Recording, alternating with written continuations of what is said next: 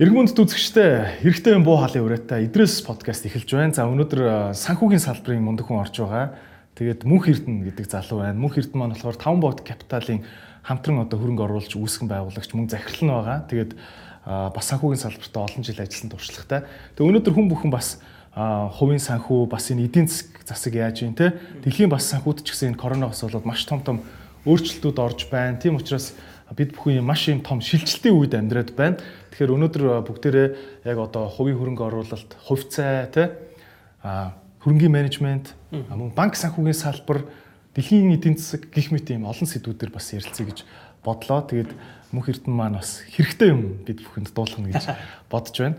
За тэгээд мэдээж таны компани түүхээс эхлэе. Одоо 5 богд капитал гэхээр яг яадаг компани те хамтран хөрөнгө оруулсан гэхээр та эдийг гаргасан, 5 богд эдийг гаргадیں۔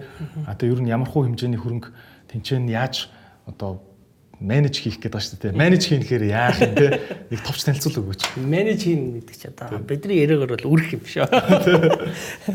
За бизнесийн яриагаар бол одоо удирдах уу те.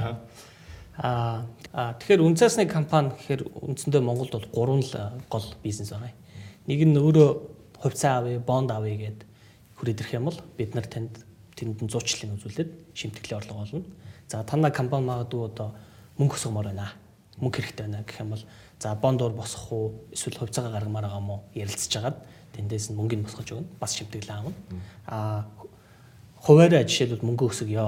Одоо би ямар үйлдэл хийх вэ? Яах вэ гэж түрээд ирэх юм бол бид нар тэн дээр нь за ийм ийм судалгаа шинжилгээний үндэслэлтэйгээр ийм байдлаар одоо та хөнгө болдвол ашигтай байна гэдэг зөвлөгөөг өгнө гэсэн үг. Аа таван бүгд групп гэдэг маань бол өөрөө манай компани голлох хөрөнгө оруулагч байгаа.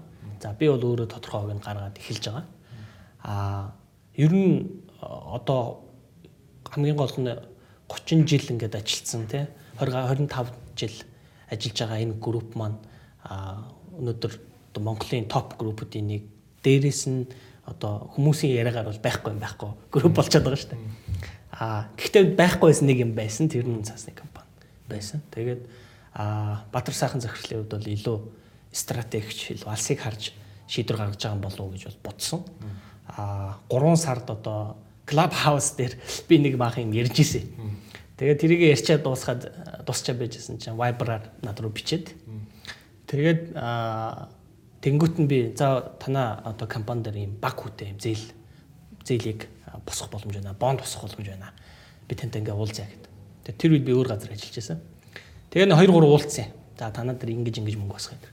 Тэгээд яг хамгийн сүүлжийнх нь уулзалтан дээр ингээд хамтран ажиллах санал тавьж байна. Хөрөнгө оруулагчаар, үүсгэн байгуулагчаар орооч ээ, захирлын хийгээч ээ гэд санал тавьсан. Тэгээд бид хоёр чинь 4 сард 4 сарын эцсээр яг бүх дийл мэлээ хийгээд гэрээ контрактаа зураад. Тэгэл ажилд орсон доо. Тийм ээ. Тэгэхээр танай компани бол одоо компанийн хувьд бол залуу компани тийм. Эхлээд удаагүй байгаа. Аа за тэгвэл хоёлаа хідэн тоонуудыг ярил л да бас тийм энэ бонд гэдэг үг ер нь бас ойлгомжгүй үг шүү дээ. Нэг бонд бонд гэхэр л нэг юм санхүүгийн одоо Wall Street тийм эсвэл James Bond ч юм шиг те. Эсвэл нэг Чингис Bond гэхэр нэг заавал улсын хийдэг юм юм шиг те. Энэ бонд гэдэг чинь миний ойлгож байгаагаар компани нэг бол зээл авч болно, нэг бол бонд босгож болно гэдэг ба шүү дээ те. Тэгээ бонд гэдэг нь одоо жижигхэн тоглогч нар гэж ярьдаг шүү дээ. Одоо жишээ нь жижигхэн хүнсний төлбөртэй хүн бонд босгуулж болох юм уу одоо? Бонд бонд гэдэг үг хин хамаатай. За нэгдүгürt зээлийг бол жишээлбэл ингээд юу яадаг штэ. Хувь хүн авч болно те банкнаас. А бондыг бол зөвхөн компани л гаргана. Хувь хүн бонд бол гаргах боломжгүй. За. За нэг хоёрдугаар бонд гэдэг маань ерөөсөө зээл те ерөөсөө баг илгаа байхгүй яг нөгөө юу талаас гаргаж байгаа компани талаас. Зээл авлаа сар бүр хүүгээ ингээд төллөө үндсэн төлбөрөөр төллөө тэгээд дуусна дуусчихаа шүү дээ. Яг энэ механизм л яг бондтой яг адилхан компани хувьд. Гэхдээ хөрөнгө оруулагчийн хувьд ялгаатай байхгүй.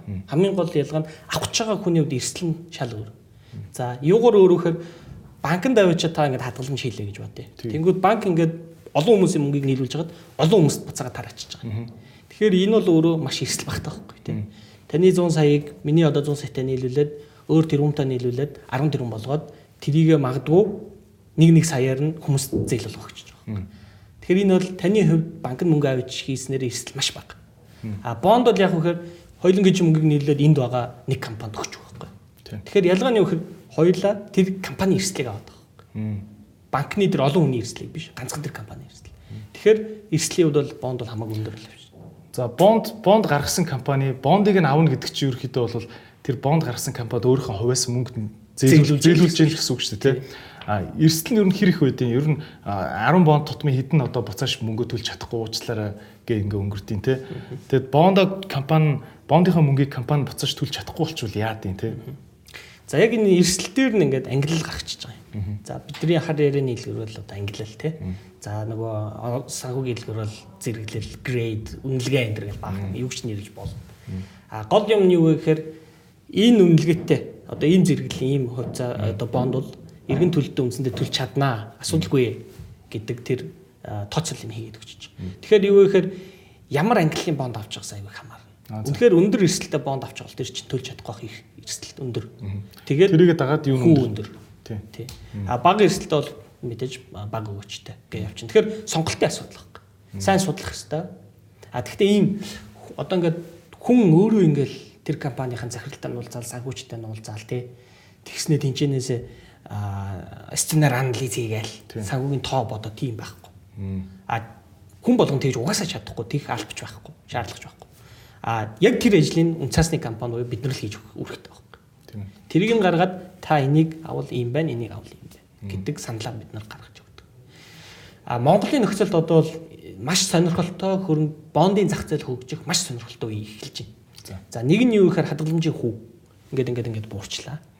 За энгийн хадгаламжийн одоо жилийн хүү бол 9% та үндсэндээ тий одоо хамгийн гайвуу шүү дээ 9% та болчлоо. А нэг. А нөгөө талаас OTC одоо зах зээл буюу биржийн бус зах зээл гэж байдаг. Тэн дээр компаниуд бонд гарах боломжтой болцсон. Буюу шаардлага арай бага тавигдж байгаа зах зээл байхгүй тэр нь. Бонд гаргаж болно. Одоо та дөрөв асуусан шүү дээ. Ямар компани бонд гаргах юм бэ гэж. Тэгэхээр өвдсөй зах зээл дээр очиод бонд гаргах юм бол харьцангуй бага шаардлагаар бонд босгож болно.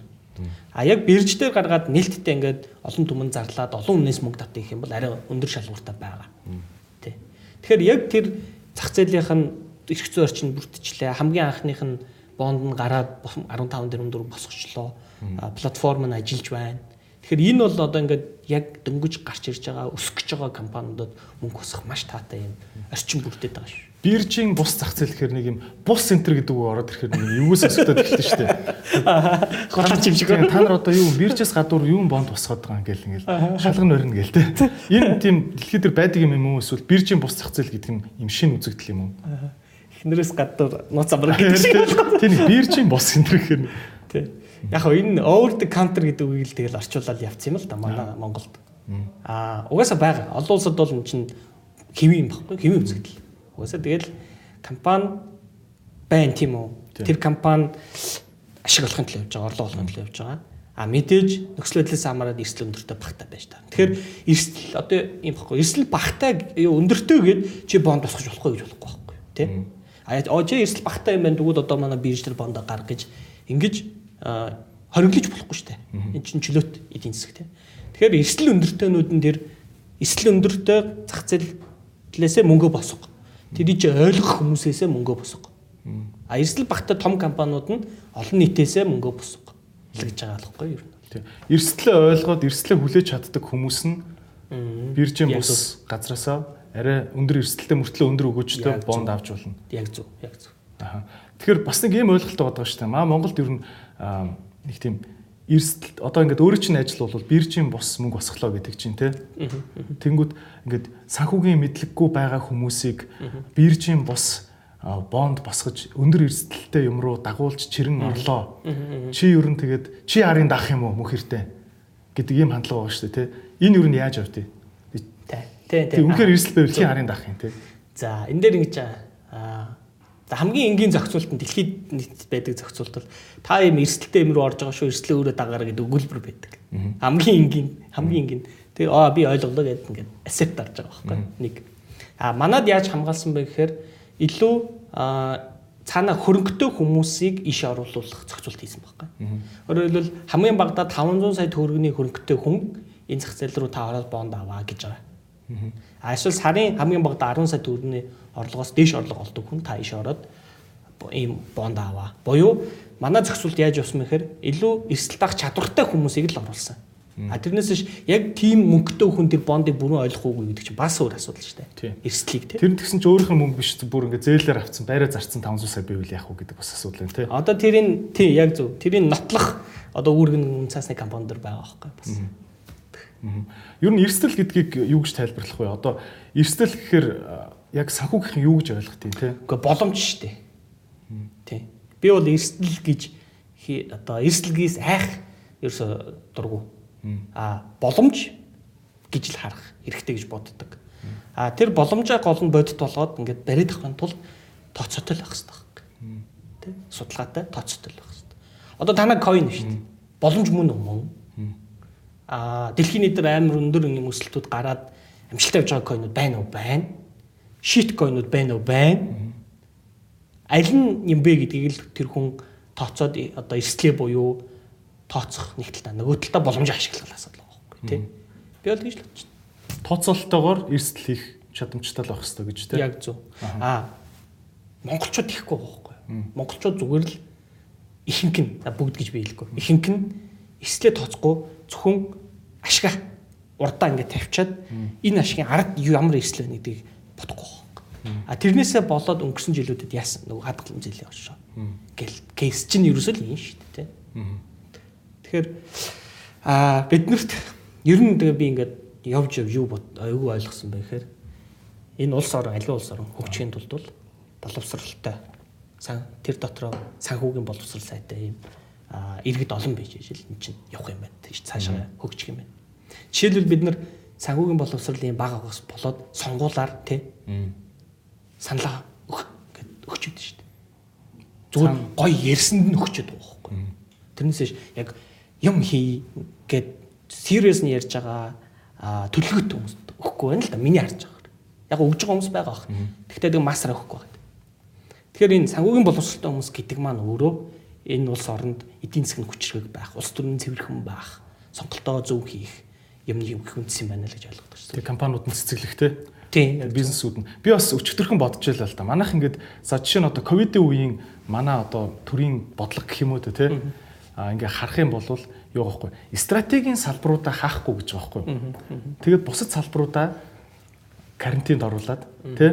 а тэнгууд стратегийн салбар юу ингэнгүүт ингээд амар юм уул урхаатай холбоотой туслан гүйцэтгэгч нар ч юм уу тий. Одоо мөнгө олж байгаа салбараа л хийж байгаа тий.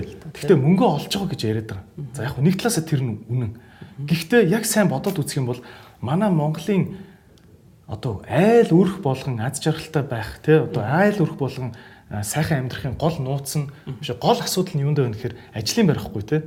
Айл үрхийн хин нэг нь ажил хийж байгаа тохиолдолд тэр айл аятах явна дээ.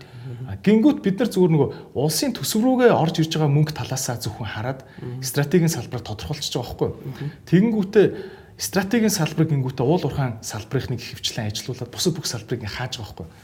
А гэтэл яг ингээд ажлын байр талаас харах юм бол уул уурхаан салбар нийт ажлын байрын 7% хүрэхгүй хувийг л 7% уулуурхаа салбар оруулж байгаа байхгүй. Хэдийгээр яг төсөвт оруулж байгаа мөнгө 80% байгаад идэг ч гэсэн яг ажлын байр талаас харуул те. Тэр чинь яг нөгөө нийгэмдэр нийгэмдэр яг айл өрхтөр хөрсөн дээр буух талаас харах юм бол яг стратеги бас бас биш байгаа байхгүй. А яг эсэмдэр нийт ажлын байрыг байрны баг 76% гэлүүтэй. Бараг 80% рүү төгсөн. Хамгийн их ажлын байр олгож байгаа салбар нь үйлчлэгээний худалдааны хоёр энэ хоёр салбар байгаа. Тэгмэд яг үндэ ингээд аж ахуй амьдрал талаас ингээ харах юм бол баг үйлчлэгээний худалдааны салбар чинь жинхэнэ стратегийн салбар байдаг. Тэ? Энэ шиг би юм жоох юм харах өнцгөн заримдаа ингээ зүрт юм болоо гэж бодлоо. Баланслуулах хэрэгтэй байх л та. Тэ. А санхүүгийн хүний хувьд ингээ бас өөрөө харахад тэ. А ер нь бол одоо ингээ хэллээ шүү дээ. Санхүүгийн боловсрал бол маш том стратеги ингээд улс их оронд хөгжилт нь аягүй чухал байт юм байна гэдэг чинь тийм үү.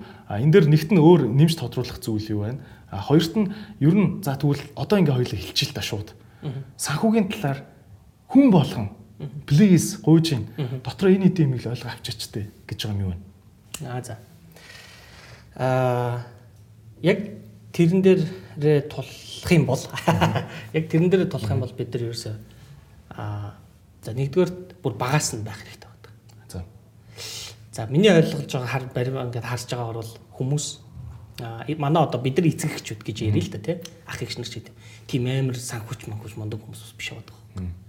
Магадгүй тэр өсөж төрсөн нөгөө нэг өмнөх үетэй холбоотой байх. Тэгэхээр би бол юу гэж хэлэх гээд нэхэр хамгийн нэгдүгээрт энэ боловсролынхаа системд бид нар багаас нь энэ мөнгөтэй харьцах тооцоо хийх төлөлт хийх гэдэг энэ зүйлүүдийг бол бид нар аягүй сайн суулгаж өгмөр байна. Тэгэхгүй одоо ингэж аахгүй ажил дээр гараад одоо сургууль төгсөж байгаа хүнийг ажил дээр гаргаад өөрчлөн гэдэг чинь амар хэцүү байхгүй. Нэгэнтээ тэр хүн чинь 20 жил те сураад ингээд хүмүүжэд ирсэн хүний хандлагыг тэр мэдлэгийг гэдэг юм өсвөл санхүүд хандах хандлагыг өөрчлөн гэдэг чинь аягүй хэцүү байхгүй. Бараг өөрчлөгдөхгүй. Зуршил болсон гэх юм те энгийгээр. Тэнгүүд бүр багаас нь а бид нар санхүү эдийн засгийн талаарх юм сэгцтэй системтэй сургалтуудыг бүр 10 жилээс нь оруулмаар байна гэдэг нэг санаа бол яваад байдгийг надад. А за одоо яг ингээд нэгэнтээ өнгөрсөн нөхдөд нэг хэлэх вэ гэдэг бас нэг байна шүү дээ. Тэр бол ерөөсөл би бол ингэж а хоёр л зүйл. Нэг нь юу гэхээр ихээр ихээр одоо хадгалж ихээр хөрөнгө оруулах та биш ээ. Эрт эхлэхдээ хамгийн чухал нь байгаамаа гэж байгаа. Эрт. За жишээлбэл 2007 онд би ингээд их сургуульд ороод анх унцаасны данс нийлгээд тэгээ хувцас авч илаа. Тэгсэн чинь биржээс авъя гэдэг ханш харсан чинь Женко Турбюрогийн ханш 200 төгрөг байсан. А Апугийн ханш 13 төгрөг байхгүй юу? Тэгсэн өнөөдөр 14 жилийн дараа эргээ харсан чинь Женкогийн ханш 60 төгрөг. Апугийн ханш 1300 төгрөг болчих. 100 дахь өсчих. Тэгэхээр их тэглэх хэрэгтэй байгааз тий? Нэг. А хоёрдугаарт шуумаар ерөөсөө хөрөнгө оруулалт хийхгүй. Шийдэлтэйгээр шинжилгээтэйгээр хөрөнгө оруулалт хийх хэрэгтэй байна. Тэгэхгүй бол эн чинь ингээд мэдээж хөрөнгө оруулалт хийгээ мөнгө өсөхийн төлөө ингээд бодож сэтгэж мөрөөдөх гэх юм уу хүсэх нь зөв зөв. Гэхдээ тэрийг зөв хийх ёстой шүү дээ бас. Тэгэхгүй. Тэгэхээр шумар биш судалгаатай шинжилгээтэйгээр хөрөнгө оруулалт хий. Жиж амжилтанд очиж шүү бас тэр чинь. Хоёр юм байна тий. Тэгвэл эртхэн бас нэг жоохон ч гэсэн нэг 5000 төгрөгөөр ч гэсэн бас ингээд хөрөнгө оруулалт моролт хийгээд үзэх нь бол эртхэн үзэж явах тусмал хэрэгтэй байна тий. Тий одоо зүгээр би ингээд бодлоо да. За яг 2007 онд одоо хүүхдтэй болж байгаа эцэг хоёр их хоёр байлаа гэж бодъё. За Апогийн хувьцаа нэг сая төгрөг тавьсан гэж бодъё. 2007 оны сая төгрөг чинь тийм их мөнгө биш дээ. Одоо манай санхүү эдийн засгийн дээд сургуулийн сургалтын жилийн төлбөр нэг 740 мянга байсан. Тэгээ дараа жилээс нь сая 500 болсон байхгүй юу? Тэгээ манайх чинь дөрөв айл, дөрөв хүүхэдтэй айл байсан. Айл байгаа дөрөв хүүхэдтэй. Тэгээд манай аав ичээр сургалтын төлбөр ингээд төлжл төлөхөд нэх би бол нэг хэцүү санагдаж байгаагүй надаа. Тэгэхээр тэр мөнгө бол нэг их мөнгө бол бас биш байсан баг гэж би бодоод байгаа. Тухайн. Тэгээд өнөөдөр 100 сая төгрөгтэй. Өнөөдөр 14 дэх хүүхэд юу их сургууль 10 жилээ төгсөх гээд 10 жилдээ сураад ахлах анги болцсон тий. Мэргэжил сонголтоо хийх гэнгээ явж байгаа шүү дээ. Тэгэхэд 100 сая төгрөгөө гаргаж ирээд тэр хүүхдийнхаа ирээдүйд их сургуулийнхын бүтэн 4 жилийн төлбөрийн төлчин үстэй 100 сая ярьж байгаа Монголд бол ийм л юм байж болох байж гэж бодогдож эхэлсэн надаа. Тухайд апугийн хувьцааг авцсан бол гэж бодох гэдэг шүү дээ. Тий. Оо би тэгтээ авч ирсэн. Аа зөв. Тий. Аваад зараад аваад зараад аваад зараад ингээд явсан. Тэгсэн чинь тэр нь айгүй бага өссөн. Мөнгө айгүй бага өссөн. Аа зүгээр аваа хийцэн байсан бол 100 дахь өсчихсэн боо. Тийм ээ тий. Ер нь тэгээд урт хугацааны бас ингээд хувьцаа авчаад ингээд мартцсан тий. Одоо үүд чинь биткойныг аль 2001 онд 10 доллараар авсан байсан бол тий. Өнөөдөр өнөөдөр яах юм бэ? Тий. Саятан нөгөө долларын сая барыг Porsche аваад унцсан явж байгаа шүү дээ. Тэгээ энэ шиг бас нэг их мөнгө биш багахан мөнгөөр юмыг аваад таг удаа хугацаанд ингээ хаях чинь л хамгийн өрнө явж ашигтай юм биш үү те. Тий. Мм нэг ийм хоёр ойлголт одоо. Яг өөрөө чи хэлж байгаагаар бага мөнгөөр тодорхой хугацаануудыг аваад хаях гэдэг нэг хэлбэр. Эсвэл их мөнгө анханасаа хийгээд зөв хувьцаагаа хөрөнгө оруулаад идэвхтэй байх гэдэг бас нэг хэлбэр байна. Аваад зараад аваад зараад. Аваад зараад идэвхтэй байх уу актив те нөгөөдгөн пассив. Тэгэхээр тэгтээ ер нь ингээд судалгаануудыг үзээд явхад одоо би янз янзэл судалгаа уншиж байсан гадны. Тэгэхэд актив менежмент, пассив менежментийн хоорондын ашигын гүйцэтгэлийг харахаар пассив менежмент нь илүү байдаг. Актив нь бол За цөөхөн тохиолдолд илүү байна да. Пассиваас. Тэгэхээр юу гэж хэлэх гээд байна гэхээр дараагийн апуг бүгдээр олцгоё. Тэгээд өнөөдөр ав, тэгээд март. Тэгээд 10 жилийн дараа хүүхдийн сургалтын төлбөр хэд нуглаад хий. Тэ? Үгүй. Өнөөдөр 100 сая төгрөг жишээлбэл тэр эцэг хоёрт хин өгөх юм. 100 саяудаа 1 сая төгрөг өгөх хүн байхгүй зү. Тийм ээ. Тэгэхэд ийм боломж байсан л байгаа. За одоо говийн хувьцаа байна. 2007 онд товчлогдсон компани шүү дээ. Өнөөдөр 14 дахин өссөн байгаа хувьцаа болчлоо. Тийш 1000 төгрөг хийсэн байсан бол 14 мянга болно шүү дээ. Тийм. Окей. Тэгээ ер нь бол хүмүүс бас ингэж штэ хөрөнгө хуваарлж штэ. За одоо надаа ингээд 100 сая төгрөг байла тий. Өнөөдөр. За би энэ 100 сая төгрөгийг яг өнөөдөр ингээд тог утас хоолныхоо мөнгөд өгөх шаардлагагүй. Тэрийг болохоор яг нөгөө шууд өнөөдрийн маань амьдралд нөлөөлөхгүй капитал гэж нэрлэдэг байгаа тий. Энийг одоо яг санхүүгээр юу ч гэж илүүдлэх үү? Нөөцөх үү? Тийм илүүдл нөөц хөрөнгө тий. За нөөц хөрөнгө. За нөөц хөрөнгө байла. Энийг за одоо чинь за ингээд крипто тий криптод итгэдэг ингээд блокчейн технологид итгэдэг хүмүүс бол хэлээд байгаа шүү дээ.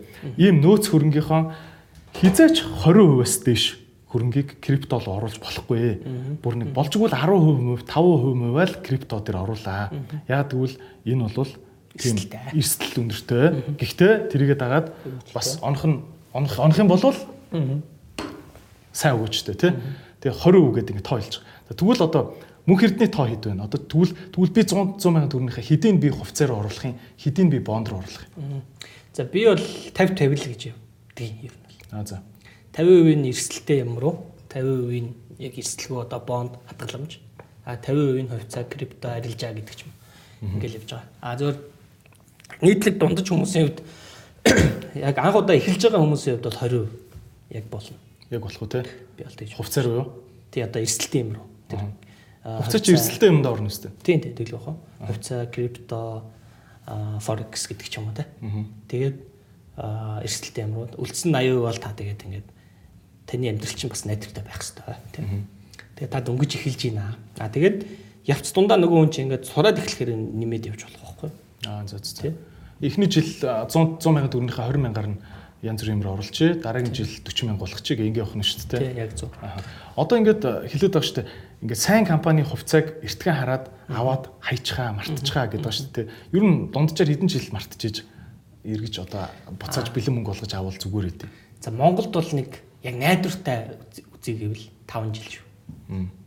5 жилийн дотор ямар ч гэсэн нэг бүүн болно. Хэрвээ тэр компани л айтаахан компани сонгоцсон бол. А бүр нөтийн баримт өгдөггүй компани сонгочвол угаасаа тэр компани чи явахгүй шүү дээ. Ашиг орлого нөсөхгүй шүү дээ, тийм. Юм зарахтаа нөтийн баримт өгөхгүй хувийнхаа дансаар аваад байгаа компани хувьцааг авчвал яах вэ? Тэр компани тайланд бүртгэдэггүй шүү нөгөө орлого нь, тийм. Тайлан худлаагаар нь өчнөө ашигтай ажиллаад байдаг компани тайлан байдаг аа. Тэгээд ханьшиж өсөхгүй, тийм. Тийм ээ. Тэгэхээр ёс зүйтэй одоо давгүй олон жил ингээд бизнес хийцэн ёс зүйтэй. За одоо ингээд Монгол хар ярианы хэлгээр бол ингээд мөнгөний хорон гарцсан хүмүүсийн хувьд хүмүүсийн одоо компани хувьцааг авах хэрэгтэй. Бас хувьцаа эзэмшигч нараа бодож юм хийхээр юм хийдэг тий яг зөв. Би зарим нэг Монгол компани хувьцааг автгүй шалтгаан зүгээр миний хувийн л бодол шүү за. Аа шалтгаан нь ингээд хувьцааных нь хувьцааг нь хин хин хин эзэмшиж байгааг харахаар магадгүй бүр ингээд 80% нь бүр ингээд 70% ч юм уу ингээд маш том хэсгийг ингээд ганцхан гэр бүл ч юм уу эсвэл ганцхан ах ингээд эзэмшчихэд байгаа байхгүй. Тэнгүүд хичнээн тэр компани чинь ингээд олон нийтийн компани гэж ярьж байгаа боловч тэр чинь бүтэн 70 80% нэг нөхөр ингээд эзэмшээд ангууд би ингээд яадаг байхгүй. Итгэхгүй. Жог итгэхгүй байдаг байхгүй. Ах ах өөрөө гів гинтхэн хурдан морь амар санагдах юм билүү нэг өдөр те. Америкт морь 10 морь уралдуулмаар санагдах юм билүү гів гинтхэн те. Яаж мэдхийн тийм үстэй. Тэг тэг тэгээ одоод ингээд ногдол ашгаа ахиухан тавьж мавж өгөхгүй хитрхээ өөрийнхөө дураараа явуулчих юм болов гэдэг тэгж шижиглээд байдаг байхгүй. Зөв зөв наа ч юм бол яг бодит өнөөгийн байдал байхгүй. Аа тэгвэл би бол ингэж хэлдэг. Аа хүн заавал тийм өндөр төвлөрөлтөй байгаа нь заавал муу байх шалтгаан биш юм аа. За. Яг одоо ихээр нэг хүн байж болно, нэг гэр бүл байж болно. Тэр хүн зөв алсын араатай, зөв бодолтой, зөв төлөвлөгөөтэй явдаг хүн бас байж болно шүү дээ. Аа яага болохгүй гэж биз чинь Монгол хүн болгон бас болохоо байчаагүй шүү дээ. Тэ. Яг би бол жишээлбэл энэ дээр ингээд хэлэхэд жишээлбэл надад яг одоо шууд санаанд бууж байгаа хүн бол түмэн шууд ирхэн бай дараа байхгүй. Улс төрч байсан уу? Байсан. Улс төрөөс гараад бизнес хийсэн үү? Хийсэн. Би эргэж орохгүй гэдгийг хэлсэн үү? Хэлсэн. Ороогүй юу? Ороогүй. А өнөөдөр 18 онд тэднийхийг IPO хийж хаад олон хүн яг надад асуулт хийж асууж ирсэн. А өнөөдөр 21 онд эргээд харахад тэр үеийнхээс ашиг төр 3 4 дахин өссөн. Хуцааных нь ханш нь бол 2 дахин өссөн. Жишээлбэл явж ил байна л да. Тэгэхээр бид нар яг өөрийнх өөр Монголынхаа нөхцөл байдал тааруулж хөрөнгө оруулалт хийхгүй бол бас мөнгө өсгөх чадахгүй шүү дээ нөгөө талаас. Тэгээ одоо жишээ нь зөв хандлагатай зөв одоо алсыг харж байгаа компани гэж ярьж штэ тий. Тэгээ тэрийг одоо яаж мэдх юм? Одоо би тэр хүнтэй очиж уулзах боломж байхгүй штэ тий. Тий. Тоо тоо моогоор ингэж харагдд юм уу одоо? А бид нар бол очиж уулздаг. Аа банк холбоотой байдаг. Одоо бид нар гэдэг үнсасны компани гэсэн үг шүү дээ. Аа нэг тэгээд дээрэс нь тоогийн давхар чеклдэг. За сүүлийн үед гарч ирж байгаа нэг сонирхолтой хандлага болохоор а гадны хөрөнгө оруулагчид бас ингээд компаниудад хөрөнгө оруулалт хийгээд явдаг болж байна. Тэгэхээр тэрийг ингээд тэднийг тэд нар хүлээн зөвшөөрөд орж ирж байна гэдэг чинь бас нэг сигнал болоод байгаа байхгүй. Энэ компани бас нэг бусдаас ялгаатай өөр компани байна. За тэгээд тэр компани тэр гадны хөрөнгө оруулагч нь тузад нь ороод аудитын хорооны дарагч гэдэг юм. Аудитын хороо моронд ороод эхлүүл бүр найсгаж байгаа байхгүй. Тэгэхээр иймэрхүү байдлаар ингээд өөрөө чи хэлж байгаагаар бол таг харахгүй үе байсан уу байсан. 10 жилийн өмнө. 5 жилийн өмнө жоо гига орсон орсон. Одоо бол нэлээд гигит бол явж. Цааш та улам бүр гигит бол. Юу вэ гэхээр одоо банкуд гарч ирэх гэж байна шүү дээ. Тийм. Тэгээ эн чинь ингээд компаниудын чинь чанар нь сайжраалаа байхгүй. А тийм учраас нөгөө нэг крипто дөрөв биткойн 10 байхад ингээд авцсан бол гэдэг шиг Монгол тодорхой хугацааны дараа энэ зах зээл чи өөрөө маш том болох боломж бүрдээд эхлээд байна. Тийм учраас эртхэн бас ийшээ орох хэрэгтэй гэж л хэлэхээр энэ да. Окей.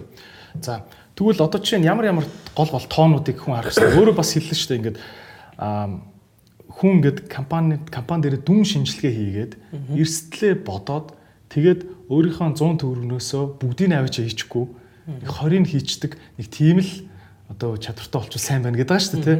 Тэгэхээр хүн юугаар нь дүн шинжилгээ хийх юм. Одоо чинь за би ингээд хоёлаа ингээд сууж байгаад ингээд 11 дугаар ангийн дүүдээ. За чи энэ компаниг өөрийнхөө хэмжээнд дүн шинжилгээ одоо хий гэдэг чинь шүү дээ. Юу юуг нь хараарай гэж хэлэх юм жишээ.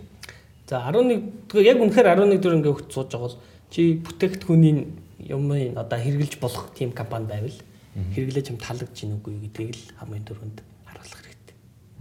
За жишээлбэл өнөөдөр бид нэр апу гэдээ ярьж байна. Апу энд байгаа бүх хүмүүс мэддэг, хэрэгэлдэг. Тэгсэн мөртлөө яагаад товцыг аваагүй юм бэ гэдэг асуулт гарч ирж байна шүү дээ. Тэгэхээр чин бид нар ингээд заавал амар ингээд тоо онол үгүй байхгүй. Хавцаа гэдэг чинь өөрөө компани. Компани гэдэг чинь өөрөө эргээд бүтээгдэхүүн үйлчилгээ. Тэгэхээр тэр бүтээгдэхүүн үйлчилгээнд өөр чинь таалагдаад чанартай сайн байх юм бол тэр чинь өөрөө нэгдүгээр сигнал. Энэ компани өсөх магадгүй юм шиг байна шүү. Нэг. А хоёрдугаарт тоо. А сүүлийн нэг 3-5 э, жилийн тоо. Тэгэл орлого штэ ерөөсөө. Орлого нь өсөж ийн орлогын өсөлт байх юм бол тэр чинь 2 дугаар сигнал. Аа за. 2 дугаар сигнал орлого өсөж иж тэр чинь цаанаа ашиг өсөх нөгөө суурь нь тавигдчих. Аа дээрэс нь зардлын асуудал байна. Зардал дотор нэг л зүйлийг харах хэрэгтэй. Гинтийн ийм нэг жил амар том болол нэг жил баг болол ингээд идэг. Тэгснэ бусад зардал гэдэг дээр хитэн дээр марна бичсэн. Тиймэрхүү жоохон трик юмнууд байвал тэрийг анзаарах хэрэгтэй. Тэгэл өөр тийм их урт хугацаанд ялангуяа хөрөнгө оруулж байгаа хүнд бол нэг тийм бүр тоо болгоныг мэдэх шаардлага байхгүй шүү. Тийм. Ер нь бол юу юм бэ те? Хүмүүс чинь нэг альва нэг компани фанат байдаг шүү дээ. Одоо юу ч үгүй нэг CEO руу өглөө болгон орж кофе уудаг байдаг шүү дээ. Тэгэд өөр газараас уудаггүй те. Ингээ нэг фэн болцсон, амьдралын нэг хэсэг болцсон. Ер нь тийм өөрийнхөө яг дуртай бизнестэй ер нь бас хөрөнгө оруулах зүгээр юм шиг. Ойлгодог бизнес. Тийм, ойлгодог те. Дуртай ойлгодог. Warren Buffett-ийн хэлсэн үг гэдэг юм л шүү дээ те. Warren Buffett чинь өөрөө кола уудаг нөхөр. Өөрөө бас жилетер сахлаа устдаг. Тэгээд тэр хоёр нь хамгийн их баг ашиг өгсөн юм шүү те явж явж. Тэр Coca-Cola-ч одоо юу лээ? 40 жил эзэмшиж байна. Тий. Тий. Жиг жиг урт хугацаа. Яг нэг амьдралын амьдралын ойл өөрөө ойлгох бизнес рүү л мөнгө оруулаад тэрнээс биш битээ нэг юм яасан хийсэн системийн арын тим security-гийн тим нууцлалын компани гэдэг ч юм уу те. Тэгэхээр чи coin яг юу болоод байна? Манай coin уу? Тий, танай coin яг юу байна? Яг coin бол бас яг ингээд үнэхээр судалдаг ойлгодог хүмүүс л хөрөнгө оруулж байгаа. Тий. Тэгээ бид нар бол энэ бол бүр олон нийтийн зүйл биш гэж бодож байгаа. А энэ бол яг тэгвэл блокчейн технологи гэдэг бол асар шин. А за би өөрөө гэж байгаа юм шиг. Энэ бол гэхдээ блокчейн технологи бол ирээд байгаа байхгүй. Бүх юм дээр тий. Технологи дээр бол би бол санал нийлж байна. Гэхдээ одоо яг үн цэнтэй болох урт хугацаанд үн цэнтэй болоод бариад явах шалтгаан юу юм? Танай койны. Тэр бол 1 2 3. Аа өөрөөс ч асуу. За окей. За би хариулъя. За би хариулъя. Ер нь бол блокчейн технологи гэдэг зүйл ирээдүйд байх ёстой гэж үздэг. Энэ блокчейн технологи хамгийн түрүүнд амьдралд нэвтэрч байгаа зүйл нь санхүү санхүүтэй холбоотойгоор нэвтэрч байгаа. А явандаа эн чинь блокчейн технологиор сумынхаа засаглалыг хийж болно. Ягаад өнөөдөр биш үү те? Сум сум бүхэл бүтэн өчнөө тэр бумаар жижигхэн сум штэ яга 200 мянган хүнтэй сум өчнөө тэр бумаар сонгуул явуулаад ингээд нэг юм төлөөлөл сонгоод тэгээд тэр төлөөлөл нь дахиад нэг юм оффис цуугаад дахиад дундаасаа тим юм дарга нар сонгоод тэднэр нь тусдаа дахиад халамжтай. Ийм том бүтц. Явж яснаа тэр хүмүүс нь яг юу шийдэж чинь тэгэхээр сумдаа худаг барих юм уу, хүүхдийн тоглоомын талбай барих юм уу, гэрэл тавих юм уу, соёлын төв барих. Соёлын төв барих юм. Иймхэн шийдвэрүүдийг гаргахын төлөө бүхэл бүтэн 200 мянган хүнтэй сум. Гэд зүгээр саналаа нийлүүлэхийн төлөө хоорондоо саналаа нийлүүлж дундаа дүгнэхийн төлөө ийм том бүтцийг байгуулаад ийм их зардал гаргаж байгаа байхгүй бас маш их цаг алдаж байгаа. Блокчейн технологи яах яаж байгаа вэ гэхээр за чи мэдчихэж шүү дээ. Тэг би тэ үзэгчдэдтэй тайлбарлаж байгаа тийм. Блокчейн технологи яаж юм гэхээр эн чинь өөрөсвөл хүн бүр итгэж болдог хямгаанч ороод өөрчилж болдгоо. Хямгаанч ороод тэрийг дундаас нь дундаас нь боснуулж болдоггүй тийм асар сайн хамгаалттай бүртгэлийн систем шүү дээ. За мөнхөрдөө чи хүүхдийн тоглоомын талбай барь гэж чи yes үү no үү гэдгийг л бүртгэдэг систем баггүй. Тэгэхээр блокчейн технологич өөрөө зөв бүртгэлийн систем те. Тэгэхээр энэ яг бүртгэлийн систем өөрөө анх анхандаа ингээд крипто крипто гэж яригадад санхүүгийн салбарт хэрэглэгдээд яваад байгаа гэхээс энэ бол явандаа зүгээр сумын 2000 хүний хүн 2 2000 хүн гар утсаа гаргаж ирэл бүгд yes no yes no гэдээ дарахад хин ч хакердах боломжгүй ямар ч дарга нь ороод тоог нь өөрчлөх боломжгүй. За окей сумынхны 1500 тоглоомын талбайд барья гэж шийдлээ. Гэж шийдвэрийг дундаа асар хурдтай гаргаж болдог. Олон хүнийг итгэлтэйгээр холбож болдог ийм л технологи шүү дээ. Тэгэхээр яг үндэ ингээд өнөөдөр ингээд крипто, биткойн энэ төр гэж яриад байгаа хүмүүс яг үндэ зөвхөн тэр мөнгнөөс болоогүй маа энэ блокчейн технологи гэдгийг бүгдээр хэрэгжүүлээ үзчихээ л та. Тэгээ яваандаа бүгдээрээ ингээд хаж амьдралдаа асар их зардлыг цагийг хэмнээл та гэдэг ийм ирээдүг харсан хүмүүс л гэж би бол ойлгоод байгаа. Тэгэхээр тийм хүмүүс л өнөөдөр ингээд биткойн энэ төргөө явж байгаа тийм. А тийм учраас бас зөвхөн энийг бити ингээд мөнгө талаас нь хараач гэж. Би бол тэгж үзэж байгаа. Би нэг бол асар их тийм ирээдүйд олон нийтийн амьдралыг маш гой цэгцэлж өөрчлөх хахуул хээл ахуул элдв сонгуул ийм муухай юмнаас нь тий товчлох тийм ирээдүйн мундаг технологи гэж хардаг. Тийм. За баярлаа. Тий. Тэгэхээр санал нэг байна. Тэрэнд итгэдэг хүмүүсийн тэр гой хөдөлгөөн гэж би хараад байгаа хөөх. Босноо. Окей. За хоёлоо дараагийн асуултаа асууя. За нэг юм байгаад байна. Өөрөөр хэлбэл пассив хөрөнгө оруулалт гэдэг чинь нэг хувцас аваад ингээ мартчихлаа. А нөгөөх нь ингээд аваад унангууд нь аваад өсөн гүтэн зараал ингээд актив явж чинь те. За ингээд энийг эн чинь бол арилжаа ч юм уу те. Арилжаа гэж юу вэ нэрэ? Одоо өөрөөр чинь бодлоор. Арилжаа гэж юу? Аа одоо яг хоо яг тодорхойлт нь бол богино хугацаанд идэвхтэйгээр авч зарах ханшийн зүрмэнс ашиг болохыг л арилжаа чинь. Тий арилжаа трейдинг трейдер ч гэдэг юм уу? Тэгж л нэрлэдэг байгаа шүү дээ. А тэгэхээр тэрийг хийгээд амжилт олоход бол айгүй тийм хүч хөдөлмөр за хугацаа дээрээс нь бас мөнгө мөнгө алдах хүлийн зөвшөөрөх гэх мэтчлэн зөндөө асуудлууд байгаа хөөг. Тэгэхээр энийг бол угсаа хүн болгон хийж чадахгүй. А энийг яг зориод ийг нухаад явсараад эцсийн үзэж байгаа хүн цөөхөн идэв нь хийж чадна. 100-аас хэд байх вэ? Миний бодлоор бол тавч хүрэхгүй дээ. Тэгвэл одоо ингээд үзэж байгаа би арилжаач болно гэж бодож байгаа хүмүүс 100-аас 5 дотор багтаж чадахгүй гэдэг өөрөөс асуу хэрэгтэй юм те. Багтахын тулд яах ёстой гэдгийг талаар би бас боддог бодж явж байгаа зүйлийг хэлээ л дээ те. Багтахын тулд та бусад бүх юм хай. 100% Тий. Ерөөсөө л тэрэн дээр төвлөр. Өөр юм байхгүй дээ. Тэрэн дээр төвлөр яг л тэрийг өөрийн үндсэн ажил болго нэгдүгüрт. Хоёрдугаарт а 3 жилээс 5 жилийн хугацаанд би энийг нэгүр тууштай явж чадна гэдгийг шийд. Шийд. Яг энд би зарцуулаад, цагаа зарцуулаад, мөнгөө зарцуулаад тий явна гэдэг шийдвэр гаргах хэрэгтэй эхлээд. А тэгээд яг явж явах үед чинь буцах юм зөндөө гарна. Буцахыг хүсэх юм зөндөө гарна. А тэр үед а одоо сэтгэлийн хаттай тий байх хэрэгтэй. А тэгээд та амжилтанд хүрэх хамгийн гол юм чи эрсдлийн менежмент. Нэг дор яаруу санд руу мөнгө хийж, цөл пүл хийж, өм цөм олох гэж бити бод. Бага мөнгө та өөрийнхөө таарсан мөнгөндөө эрсдлийн менежмент буюу нэг одоо позицтэй арилжаан дээр тэдний хувьас илүү мөнгө алдахгүй гэдэг дөрвмээ гаргаад яг тэрийг баримтлал яв. А ингэж чадах юм бол амжилтанд хүрэх боломж байгаа. Гэхдээ эндээс чадчихгүй тийм. Мэдсээрээ ч чаддаггүй гэсэн тийм хүмүүс үгээс. Тийм шүү дээ. Уус хүн чинь өөр сэтгэл хөдлөлттэй, сэтгэл зүйн амт байхгүй. Тэгэхээр нэг өдөр шингэж сууж ахаар болий гэл хайжуулна. Эсвэл энэ найдвартай өснө гэж. Аа яг зөв. За би 3 алтчлаа. Одоо л яг цөм их хэвээр. Одоо л яг энэ шигээ явна гэд хамаг юмаа тавиал гусдаг. Өөдг нь буцаал зөрөөл явдаг. Тэгээд дуусаа. Тийм ээ. Тэгэхээр чи аюу хүнээс юм сахилах бацаа шаарц ажиллах. А мөнх эрдний хувьд арилжаа хийдгүү өөрөө. Би хийж 10 за 16 оноос хойш яг идэвхтэй хийх гэж үзсэн. Аа тэгээд яг би ч одоо тэр үед ингээ банкнд ажиллаж байсан. Одоо ингээд компаниудад ингээд явхаар надад бол хангалттай цаг гардаг байхгүй. А тийм болохоор би яах яахыг илүү үздэг хэрэг яг хөрөнгө оруулалт хийхийг л илүү үздэг. Илүү ингээд сайн судалж хагаад тэгээд шийдвэрээ гаргаад урт хугацаанд урт хугацаанд орхих гэдэг хөлбөр надад яг миний юунд бол одоогийн нөхцөл байдалд бол тохирч байгаа. А тэгвэл би илүү цаг гараад ингээд одоо компанид маань жигдрээд ингээд эхлэхээр би бол илүү трейдер руу цагаа гаргаад яг тэртлийн юм дээр оролт одоо байнга ордог тэнцэнээсээ earn хийдэг тэ болно гэдэг төлөв бол байна. Тийм. А таны компани дотор арилжаач хүмүүс байдгүй одоо ингээд байнга ингээл аваад зарал байнга аваад суучдаг. Бага. Одоо манайх чинь арилжаа судалгааны алба гэдэг байна. Тэн дээр болохоор ахлах байна. Тэгээд суурь шинжээч байна, техник шинжээч байна. Аа тэгээд энэ гурван залуу маань яадаг вэхээр суурь нь суурьа хийгээд техникл нь техникл хийгээд тэр хоёрыг нэгтгээд ахлах нэгтгээд базаад бит дөрөв хоорондоо ингээд яриад тэгээд тэнчэнээсээ харилцагч нартаа за энийг санал болгоё. За өөрсдийнхөө компанийнхаа мөнгөөр идвэл энийг авъя гэд ийм шийдвэр гаргад явдаг. Окей.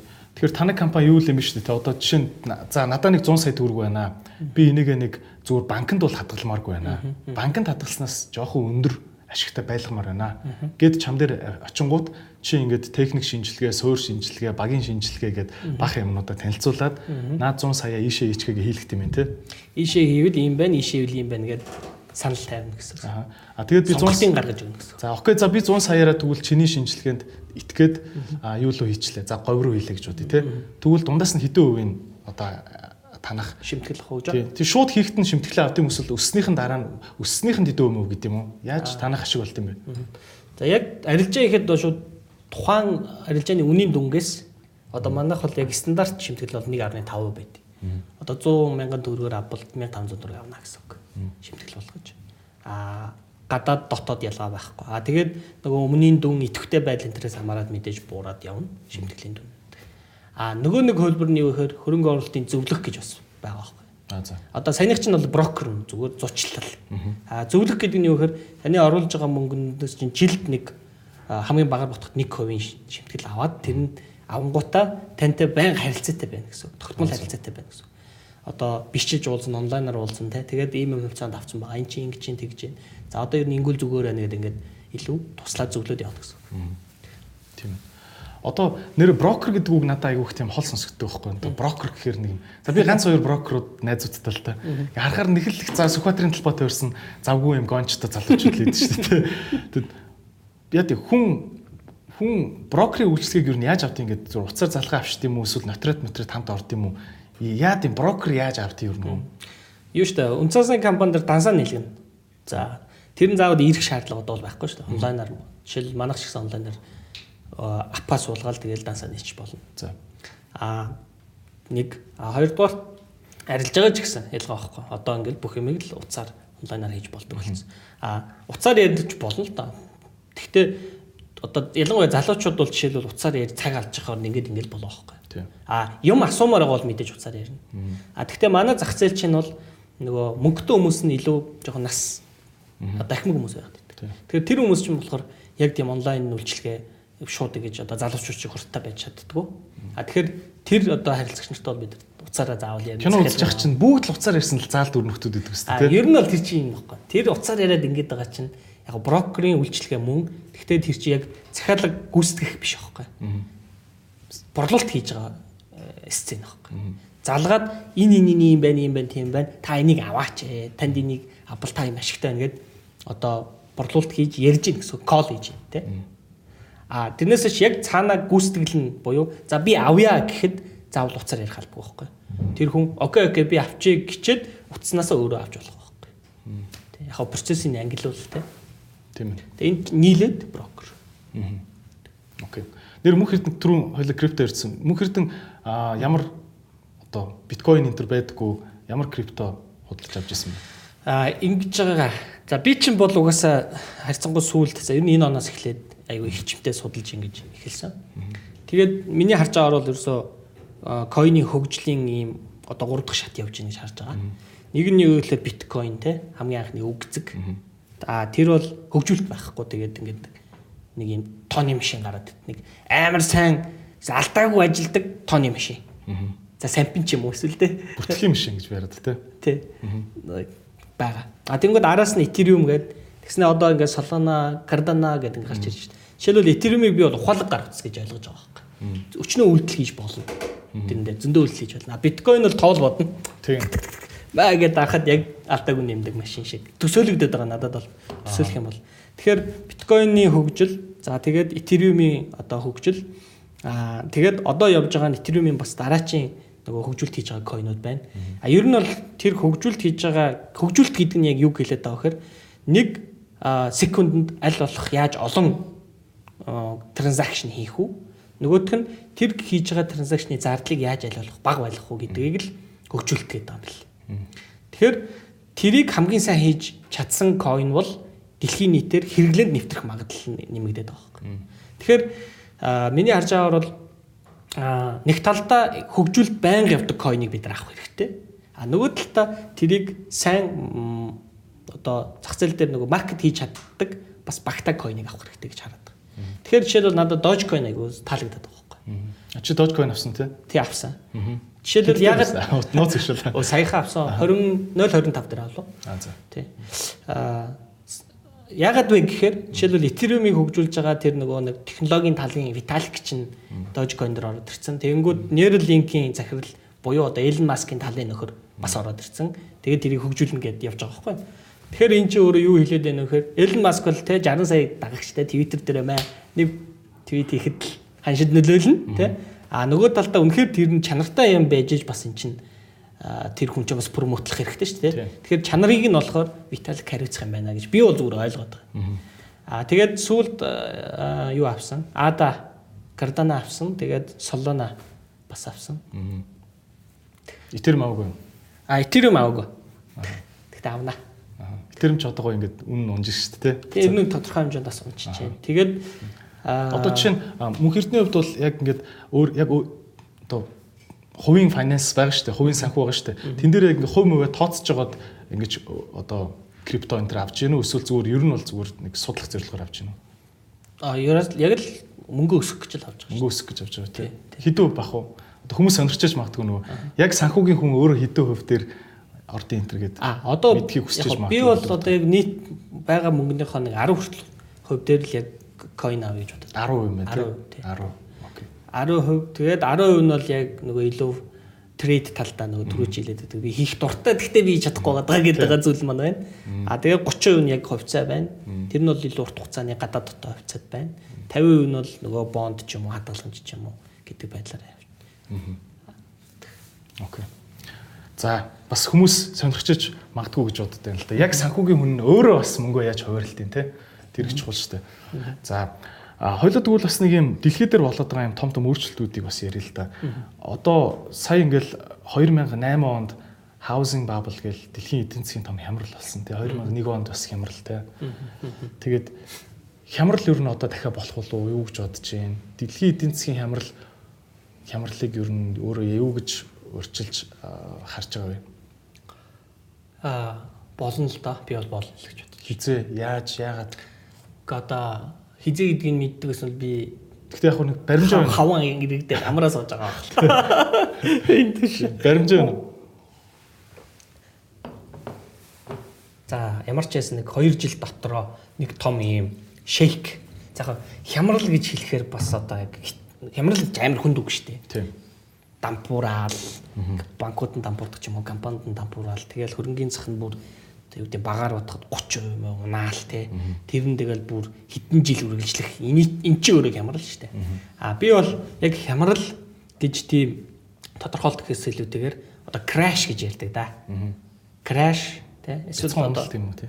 Одоо бяцхан бас биш ээ. Төсөөллөр бол бяцхан бас биш. crash, за sell off ч гэж ярьдаг. Тэгээ огцон уналт. болох магадлал айгүй өндөр байгаа юм. Аа ирэх ямар ч байсан 2 жилийн дотор гэж бол бодоод байгаа. Юунаас болж? Яагаад? За, ерөөсөө сая энэ кроно гэдгээс болоод дэлхийн нийтээр маш их хэмжээний цас мөнгө хэвлээд хүчээр одоо эдийн засаг руу шахачлаа штэ. Жишээлбэл Америкийн төв банкны баланс яг короногийн өмнө 4 орчим их найд байсан.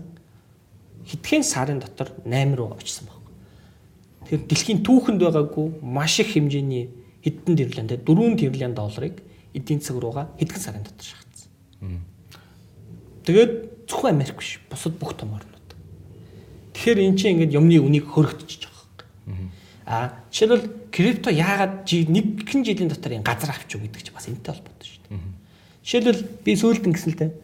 Америкт аа тэр хоёр удаа чек өгсөн шүү дээ тий. Айл болгоно 1400 доллар ч үлээ. Тий. Хүн болгоно. Хүн болгонд. Тий. Бүр 2 3 удаа өглөө яалаа. Ямар ч байсан хоёр өгсөн. Тэгээ нэг миний тооцноор 3000 гарчим доллар нэг хүнд очсон байна. Тэнгүүт яасан гэхээр тэрнийхээ аа бүтэн яг бүтнээр нь тэрүүгээр coin авсан хүн 15%. А талаар нь ингээд part те тодорхой хэсгээр нь авсан үн бас 15% гэсэн юм тоо гарсан байлээ. Өөрөөр хэлбэл залуучууд яасан? Чек ороод ирсэн мөнгөтэй. Гэртээ хийх ажил байхгүй. Интернетээр яаж мөнгө олох вэ гэж бодсон байхгүй. Тэгсэн чинь coin bijсэн. Тэгэхээр эн чинь өөрөө тохиолдлын шинжтэй үйл явдал байгаа байхгүй байнгын юм болохгүй шүү дээ. Тэгэхээр энэ их мөнгө чинь coin руу тодорхой хэсэг нь ингэж орсон байна. А тэгээ ихэнх мөнгө нь ховцоор орсон. Тэгээд S&P 500 индексийг ингээ харах юм бол бүр ингээд экспоненциал өсөлт хийцэн байгаа шүү дээ. Тийм шүү дээ. Тэгэхээр энэ өндөр юм одоо өсөлтүүд чинь бол энэ их мөнгө шахснаас болсон. Гэтэл одоо буцаагаад Америкийн төв банк буцаагаад мөнгөө татах тухай яриад эхэлсэн. 11 сараас мөнгөө татах шийдвэрүүд гарах гад байна. А тэгэхээр яа гэсэн үг юм? Буцаагаад хатуу бодлого руугаа шилжүүлнэ гэсэн үг. Одоо одоо жишээлбэл энэ жоохоо сар болгон 120 тэрбум доллар хаа 150 жилөө тэрбум доллараар ингээд бонд худалдаж байгаа байхгүй Америкийн төв банк банкудаас. Тэгээ банкудаа мөнгө өнгөт нөгөөдүүл нь дахиад зээл гаргаад ингээд фьюлийг яваад шүү дээ. Тэгэхээр тэр жишээлбэл өгж байгаа мөнгөө танаа гэж байгаа эхний ээлжинд. За тэгээд нөхцөл байдал сайн байх юм бол бодлогын хүүгээ буцаагаад өсгөж эхлэн гэж байгаа. Тэгэхээр Америкийн төв банк бол яг үндэ миний бодлоор одоо ингээд амар тийм эмзэг байдалд байгаа. Маш эмзэг, маш эсгэлтэй, маш одоо ингээд хөв хүм одоо тэр холбооны нөөцийн сангийн дарга бол өөрөө айгүй айцтай байх гэж би бодож байна. Хувийн талаасаа. Яагаад тэгэхээр тэр хүний ингээд ганцхан өгүүлбэр Америкийн хөрөнгийн захыг, дэлхийн хөрөнгийн захыг эргүүлчих хэмжээнд болсон. Америк савл хөрөн дэлхийс савлна тийм шүү дээ. Тэгэхээр маш тийм эмзэг нөхцөл байдалд байгаа. Миний бодлоор бол тэд нар яаж бид нар өөрсдийнхөө хэрэгжүүлэх гэдэг бодлогыг нэг зөөлөн ойлгуулах уу гэдэг дээр аягүй их толгой өвдөж байгаа. Толгой өвдөж байгаа. Хамаагүй ингээд монголчууд чиг хаамаагүй те. Одоо монголчууд ч сайхан нөхдөж байна. Ер нь хэлсэн үгэндээ нэг хариуцлага үлээдэг шүү дээ те. Хэлэх юм бол тэгээд сүрх гэдэг байгаа байхгүй. Тийм болохоор ингээд аа юу гэж хэлэх үү, ямар үг ашиглах үү, бүр ингээд үгэн дээр хүртэл амар бодож байгаа тэр том алдан тушаалтай хүн чи одоо тэгээд манайх одоо мөнгөө татна гэл нэг хэлэхэд бол тэгэл тэгэл туссан шүү дээ. Тийм ээ тий. Тэгэн чи нөгөө нэг технологи амар хөгжсөн байгаа байхгүй. Тэрийг за тэнд нэг 2 3 секундын өмнө яг өөрийнх нь амнаас нь нэг нөхөр сонслоо тий. Маа бичээл дэлхийгээр таргаач. Бид нар энд нэг магадгүй нэг 5 10 секундын дараа сонсчихж байгаа. Тэгэл зүгээр тий. Зүгээр Монголд байгаа нөхөр 10 секундын дараа тэр Америкийн төв банкны хэлсэн үний үгийг мэдээд харчихна энэ зах зээл чинь амар тийм савлгаатай байхаас аргагүй. Тийм ээ. За одоо тэгвэл 2008 оны хямралд Монгол бас хэр одоо тэр том гүрнүүд хямрахад Монгол бас яах вэ гэдэг асуудал шүү дээ тий. Монгол бол зарим хүмүүс тэгдэг шүү дээ. Манад хямрал мэдэгддэг юм уу? Дэлхий яаж хямарч исэн Монгол нэ хямарч шалтгүй шүү дээ гэдэг. Энэ тал дээр ямар бодолтой байдаг? Аа дамжиж нөлөөлж орж ирнэ. Америк муудлаа, Хятад муудлаа тэгээд манайх мууд. Тэрнээс бид нар Америкаас яг юм зараад эсвэл Америкаас юм аваад байгаа юм баг байхгүй шүү дээ. Шууд утгаараа. Тийм том дүн бол байхгүй. А эсвэргээрээ нүрс зэс алтал шүү Нүрс зэс алт 3 шүү дээ. Ерөөсөө Монголын эдийн засгийн экспортын нь юу энэ 3 чинь 60% байдаг шиг санаж байна. Нүрс зэс алт. Бүр их бах баг. Тийм лөө. Нүүрс цэс алт 90 мэр гарсан баг уу?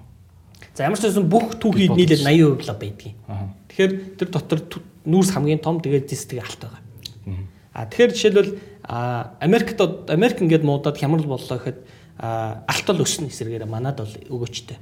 Алтол өсөө явчихна. А тэгэнгүүт хятадд яг уу гэхээр нүүрс зэс хоёр унаад эхэлнэ. Тэгэхээр энэ гурвын нийлбэрээр энэ нь нэмэх энэ нь хоёр хамгийн том хоёр нь хасах байдаг учраас манайх манайх бол хасгаараа нөлөөлнө. А тэгээд манад бол багаар бодоход 6 сарын дараанаас яг хүчтэй нөлөөлж эхэлнэ. Жилийн дараа бол банкуудын баланс, тайлмайлан, зээл дээр чанарын нөлөөллүүд орж эхэлнэ. А тэгээд тэнд нөхцөл байдал үүс одоо унж эхлээд тасралтгүй нэг жил унсны дараа манад бол илүү мэдрэгдэж эхэлнэ. А тэгээд тэнд нөхцөл байдал сэрэхгүй ингээд бүр хэдэн жил 3 4 жил явчих юм бол манайх дагаал тэгэл илэгдэн өөр арга байхгүй. Тэгэхээр л одоо энэ дээр л одоо нөгөө бодлогоосруулж байгаа хүмүүс маань энэ экспортоо ингээд гоё солонгоруул марах юм тийм болно. Тийм. Ер нь бас би боддөө штэ. Маа монголчууд өөрсдөө оюунлаг арт түмэн гэлээдэг. Далаа далаагаас хол хоёр хөрш том хөрштэй гэлээдэг. Тэг ер нь биднэрт интернет эдийн засаг бол заавал байх хэрэгтэй гэж боддог. Яагаад өнөөдөр ийм оюунлаг тэг залуучуудын орон. Залуучуудын орон оюунлаг арт түмэн далаагаас хол. Тэгтээ бол яг ганц байгаа минь интернет. Тэгэхээр интернет гэдэг юмыг эзэмшээд ягаад маа Монголд орж ирж байгаа 100 төгрөгийн 20 төгрөг нь интернетээр орж ирж байгаа мөнгө гэж болтгүй юм те. Яг зарим хүмүүст үлгэр мэтэл санагдах байх л та. Одоо Монгол Монголоос Гэтэл би бол санал нийлж байгаа шүү. Чи 1000%. 1000% те. Тийм шүү дээ. Угаасаа миний өөрийн үзэл бодол юу вэ гэхээр а бид нар жишээлбэл одоо Тесла хийж чадахгүй шүү дээ.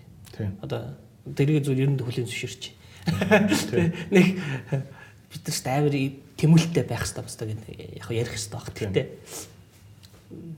а хийж чадах зүйл яг интернет. Интернетээр жишээлбэл би жишээлбэл юу хийж чадах вэ гэхээр Монгол хүмүүсийн мөнгийг гадаадын санхүүгийн зах зээл дээр хөрөнгө оруулалт болгож оруулаад тэнчэнээс илүү их ашиг олох боломжийг нээж өгөх. Эргээд тэр хүмүүс чинь мөнгөө наашаага татаж авчираад энчэнээ зарцуулна гэдэг чинь экспорт мөнгө зүйтэй тий. Мөнгө шүү дээ. Тий. Экспорт мөнгө гаднаас гадагшаа 100 мянган доллар шилжүүлээд нөгөөх нь 200 мянган доллар болоо буцаад ороод ирж ивэл Монгол улсад хэрэгтэй юу хэрэгтэй гэж харж байгаа.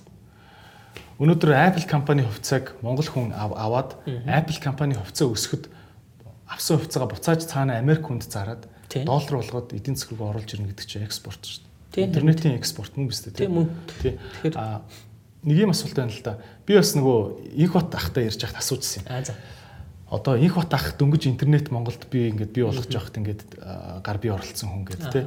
Тэгээ би хас суусан та яагаад тэр үед нэг Apple-ийн хувьцаа авчиг вэ те? Та яагаад тэр үед гэсэн чи Google-ийн хувьцаа юм авчиг вэ? Та тэр үед мэдээлэлтэй л байсан юм биш багаас гэсэн чи яг тийм бод яг тийм яг би зүг ойлгосон бол яг яг хангалттай мэдээлэлтэй байгаагүй. Би тэр үед ингээ очиод Google-ийн хувьцааг авах хэмжээний те Apple-ийн хувьцааг авах хэмжээний боломжтой бол байгаагүй л гэж хэлээ л те. А гэхдээ одоо бидний үед бол тийм шалтгаан тоочих бол боломжгүй шүү дээ. Яа ээжээ айгүй гоё санаа хөндлөө. Одоо ингээд биднэрт бүх боломжинд байхад бид нар яг үнэндээ муу байгаа шүү. Монгол залуучууд би бол тэгж бодож байна.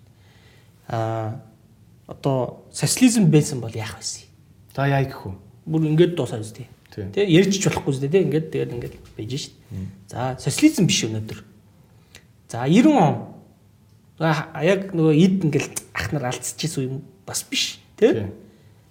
За тэгээд интернетгүй биш бүр ингээд супер хөгжсөн технологи орчинд дамжиж. Буюу залуучуудад бол үнэхээр боломж бол нээлттэй байна. Энэ дээр ажиллаа ажиллацгаая тий ажиллацгаая. Дараагийн шатанд гарцгаая. А миний одоо яг барьж авсан өнцөг бол юу гэхээр яг дөрөж жоохгүй. Хөрөнгөний зах зээлээр дамжуулаад гадаадын хөрөнгөний зах зээлд хүмүүсийн хөрөнгө оруулалтыг хийлгүүлээд тэнчэнээс мөнгөний өсгөөд эргээд Монгол руу авчрах нь миний хувьд би өөрийнхөө экспортыг хийж гин гэж бодож байгаа. Миний хувьд энэ бол миний Монгол улсын экспортыг өсгөхөд оруулж байгаа хувь нэмрэл гэж би бодож байна. Монголдо доллар зулгааж ирэх гэдэг ба шүү дээ. Яриагаар бол тийм шүү дээ. Тийм шүү дээ. За тэгвэл одоо жишээ нь танай компани дээр ингээд маш олон хүмүүс ингээд мөнгөө барьж ирээд ингээд мөхөртэй миний мөнгийг ингээд хаашаа хийх вэ зөвлөд өгөөч гэд ирж байгаа бох тий. Аа тэгж ирж байгаа хүмүүсийн яг танах танай компани руу урсж байгаа нийт мөнгөний хэдэн хувь нь яг гадны хувьцаа худалдаа авах зүг рүү урсч байна. Яг одоо бол. За ер нь тэгэл 90% шүү дээ. 90%. Тий. За яагаад гэхээр бас энэ дээр ингээд ярих юм бол бас нөгөө дотоодын зах зээл нь бүрэн сайхан хөгжиггүй байгаатай холбоотой. Өөрөөр дөрөв хэллээ шүү дээ. Ингээд тэр компанид ингээ харахаар би нэг итгэж бас чадахгүй байна. Яг надад асуудал ч байгаа байхгүй хүмүүсд. Тэгэхээр яг ялангуяа мөнгөтэй хүмүүст бол байгаа. Тэгэхээр тэр хүмүүсийн хувьд бол а дотоодоос нэг одоо юу гэдэг компани авцаа ингээд авч явахаа оронд жинхэнэ нөгөө цахилгаан автомашин одоо BYD гэдэг ч юм уу тий эсвэл Geely гэдэг ч юм уу тэр хятадын хамгийн том цахилгаан автомашин тавьцаа авцсан хамаагүй ингээд найдвартай сонсогддог байгаа. А тэгээд тэр зах зээл зүгээр хангалттай том. Бид нар энэ бидний энд яриад байгаа одоо юу гэдэг нэг 10 сая доллар, 5 сая доллар чинь бид нар бол ингээд харьцангуй За их мөнгө гэж бодож байна. Монгол мөнгөн дээр хараад тэр бом гэж их сонсогдоод байдаг болохоос биш. Яг доллар руу шийдвэрлэнгүүд баг болчдөг тийм. За тэгээ нэг 5 10 сая доллар тэнд очиод нэг компани хувьцааны өдрийн арилжааных нь нэг ковч хүрэхгүй байгаа хгүй. Тэгэхээр чин маш том зах зээл дэлхий дээр байна. Тэгээ бид нар энд мөнгөө багтааж шингээж чадахгүй ингээ хадгаламжтай байлгаад болт. Энд тийш навэж хийгээч. Тэ. Гэмээр санагддгийн ер нь бол. Тэгэхээр их их мөнгө бол гадагшаага явж байгаа. А тэгээд тэр нь энээс гадна нэмэх нь нөгөө нэг одоо долларын хадгаламж чи өөрөө баг болчихлоо шүү дээ. Одоо стандарт нь бол 2% хүүтэй. За ингээд нэг дийл мэл хийвэл нэг 4 5 хүрч ийн үгүй. Тэгэхээр чи ингээд доллараар мөнгө хадгалах нь утгагүй болчихж байгаа. Тэгээ ханш нь бас хөдөлгөө байц тий. Бүтэн жил ингээд явц. Гэхдээ ханш өснө л дөө. Энд чинь зүгээр хэсэг хугацаанд л асуудал. Тэгэхээр хүмүүс тийм бодолтой байгаад болохоор доллар зарчмааргүй байгаа байхгүй. Тэгэхээр эндээс үндэслээд яг юу гэж бид нар жишээлбэл гадны 40% байгаа шүү дээ. Хэдэн мянган хувь. Тэнчэнэс бид нар яг юугийн санал болгох вэ гэдгээ одоо яг идэр хотод ямар хувьцаа сан тохирох вэ гэдгийг бид нар судалдаг байхгүй. Өөрөөр хэлбэл өөрөөс чинь ингээд санал асуулга аав. Тэгээд таны эрсдэл даах чадвар, эрсдэл хандах хандлага яг үнэлээд за танд бол эрсдэлтэй хувьцаа санал болгоход бол та бол пянгаад авах юм байна. Та тэгвэл одоо энэ юу ав? А жилиг ав. А эсвэл юу гэдэг нёг ав тий. Одоо хиттийн шинээр гарч ирж байгаа цэцлэг автомашины стартапыг ав. А өөр нэг хүн дээр ингээд судалгаа хийгээд үтсэн чинь эцэл дургуун байж болох байхгүй. Оо тэгвэл окей та юу ячгаа? Coca-Cola. Coca-Cola аваа тий. Эсвэл одоо дэлхийн хамгийн том банк хиттийн банк ICBC гэж банк байна жилдээ 5% ногдол ашиг өгдөг юм аа доллараароо. Ханшин хөдлөхгүйсэн ч гэсэн та жилийн дараа 5% ногдол ашиг авчих штэ. Доллар өрөх чинь болж байгаа үстэй гэд. Ингээд яг тохирох тохирох юм өгөх тоххой хүмүүст. Тэгэхгүй өнөөдөр хүмүүс яаж юм хэр үе эдрийн энэ өсөд байгаа юм биш үү? Бараг л энэ өсөх үү? Тэнгүүд нөгөө бодож байгаа те. За өсч магадгүй ер нь өснө гэж бодож ин гингүүт шийдвэр шийдвэр гаргаад байгаа хөөхгүй хүмүүс. Эн чинь өөрөө юу нэгдүгээр шуум зүгээр эн чинь ямар судалгаагүй. А хоёрдугаар асуудал нь юу гэхээр а нөгөө өөрт нь тохирохгүй юм авчдаг байхгүй. Тэгээд дараа нь гомдоод идэх те. Тэгээд буруугаар нь гомддог хүн байна уу? Өө нэг фэйсбુક дээр ганц хоёр явж л лээдэн штэ. Чамд ингээ өө мөнх эрдэнэ энэ шиг хувцас хийгээд ингээд амар өснө гэж одоо дахин хийцэн чинь ингээд ингээд тийм үед гарсан. Тийм үед юу яадаг вэ чи? Тийм үед үү? Гэхдээ би бол анханасаа эрсдэлтэй гэдгээ дандаа ярьж хэлж явдаг учраас тийм үед би юу ч ярьдаггүй, юу ч хийдэггүй. Тэгэд яах юм би хэлсэн тэгээд sorry сонсоогүй юм байна. Би аа хэрвээ би өөрөө бүх миний бүх анализ зөв байдаг гэсэн би энэ сууж авахгүй шүү дээ л жил. Тэгээд үнэхээр ингээд нүүр тараад асуувал те. Би хаваа ирэг дээр шүү дээ л гэж хэлнэ. Хаваа ирэг дээр хөвтгөөлгөтэй те. А хитэн те. Аа. За тэгвэл ер нь бол ийм байна. Нэг ийм хамгийн багада хідээр өсөх үү гэдэг нэг ийм асуулт байна шүү дээ, тий. Тий. Тий. Энэ бол өстой бүр стандарт асуулт баг. Тэгсэмөр юм л да. За би чамд ингээд сая төгрөгөө ингээд за за чамд итгээд өгнө гэж хэлэх нь хаашаа тий. Чиний зөвлөгөөг дагаад ингээд итгээд ингээд хийлээ. Амар зөв. Тий нэг амар зөв орж ирж шүү дээ, тий. Тий. Дараа нэг ингээд чамааг яг бас яг гэж шүү дээ. Гогцаатай үл. Тий гогцаатай үл. За би бүр тэгж ярих гэж бодъё. За ингээд ах нь ингээд чамд итгээд мөх хэртэй. Сая дөргөө ингээд чиний хэлсэн тэр хятадын компани, Америкийн компани руу шил. Ер нь хамгийн багтаа хэдөө өсөх бол ингээд асууя л да. Тэгвэл үгүй. За доллараар яг тооцох юм бол багаар бодох нэг 15% өсөлт бол байх боломжтой. Жилдээ. Жилдээ. Ер нь дажгүй. Найдвартай гэж хэлэх үлэхгүй. За ер нь л гарандаа болно. Гэхдээ одоо ийм багтаа. Яг одоо бол аюу хэцүү Нөгөө нэг бид түрүүлсэн шүү дээ. Америкийн хувьцаа жишээлбэл гэдэг. Бүр ингээд ийм болцсон байгаа. Бүх хувьцаа хамгийн үнэтэй дээр байгаа тийм. Хамгийн үнэтэй. Бүр ингээд одоо ингээд байж болох одоо түүхэн цаг хугацааны хамгийн хурдц төсөлт чинь сая нэг жил явцсан байна. Тэгэхээр би бол юу гэж одоо юу гэж хэлж байгаа хэрэг энэнийг нэг хагарахыг хүлээе. А тэр хүртэл илүү нөгөө нэг одоо энэ хятадын хувьцаанууд чинь нөгөө гадаад улдааны дай интерес болоод нэлээд хямдарсан байхгүй бас. Хямдхан хувьцаанд бас байгаа. Эсвэл хятад өөрөө бодлогоор дэмжиж хөгжүүлж байгаа секторууд бас байгаа. Жишээлбэл чипний үйлдвэрлэл байгаа. Тэгэхээр тиймэрхүү юмнуудад арай үнцэн одоо ахтар өсөг байгаа юмнуудад хөрөнгө оруулж агаад тэгээд тэр нэг хагарал магарал ингээд нэг явсны дараа та ишигээ оруул арай илүү боттой ижил багтаа байх гэдэг байна гэж хэлдэг. Хэлэл явж байгаа одоо. Тийм ээ. Саяхан нэг бас интернетийн компани л да Унгарын компани. Аа за. Хувьцаа нь бүр солиотой өсөөд Америк дахь бизнес нь бүүн болоод тий. Одоо ингээд за мөнх эрдэнэ бол ингэж штэ ингээд Америкийн хувьцаа хятадын хувьцаа гэдэг ингээд илүү ингэж ярьж таарчлаа л да тий. Гэтэл тэнд Унгар гэдэг жижигхэн улсын компани хувьцаа хэдэн мянган өссөн байгаа хөөхгүй бас. Тэрийг тэрийг олж хараагүй л байгаа хөөхгүй. Тийш би ядаж нэг боли 500 мянган төгрөг хийцэн байсан бол тэр чинь бол хэдий. Амирлан болно л. 100 нугарсан ч юм уу байх боломжтой байсан байхгүй бид тэрийг олж хараагүй шүү дээ. Тэгээ миний охин олж шүү дээ тий. Тэгэхээр өөрөнтэй нь хувьд болохоор яа гэм бэ ингэж хичнээн орны компаниудыг ингэж хараа сууж идэв. Зөвхөн том гүрнүүдийнхийг л хард юм уу? Яа гэм Аа тий. Би одоо яг миний одоо яг тэр гадаад арилжаан дээр харилцагч нартаа зөвлөхөд оролцож байгаа оролцоо бол юу гэхээр илүү макро нөхцөл байдал геополитик хардаг.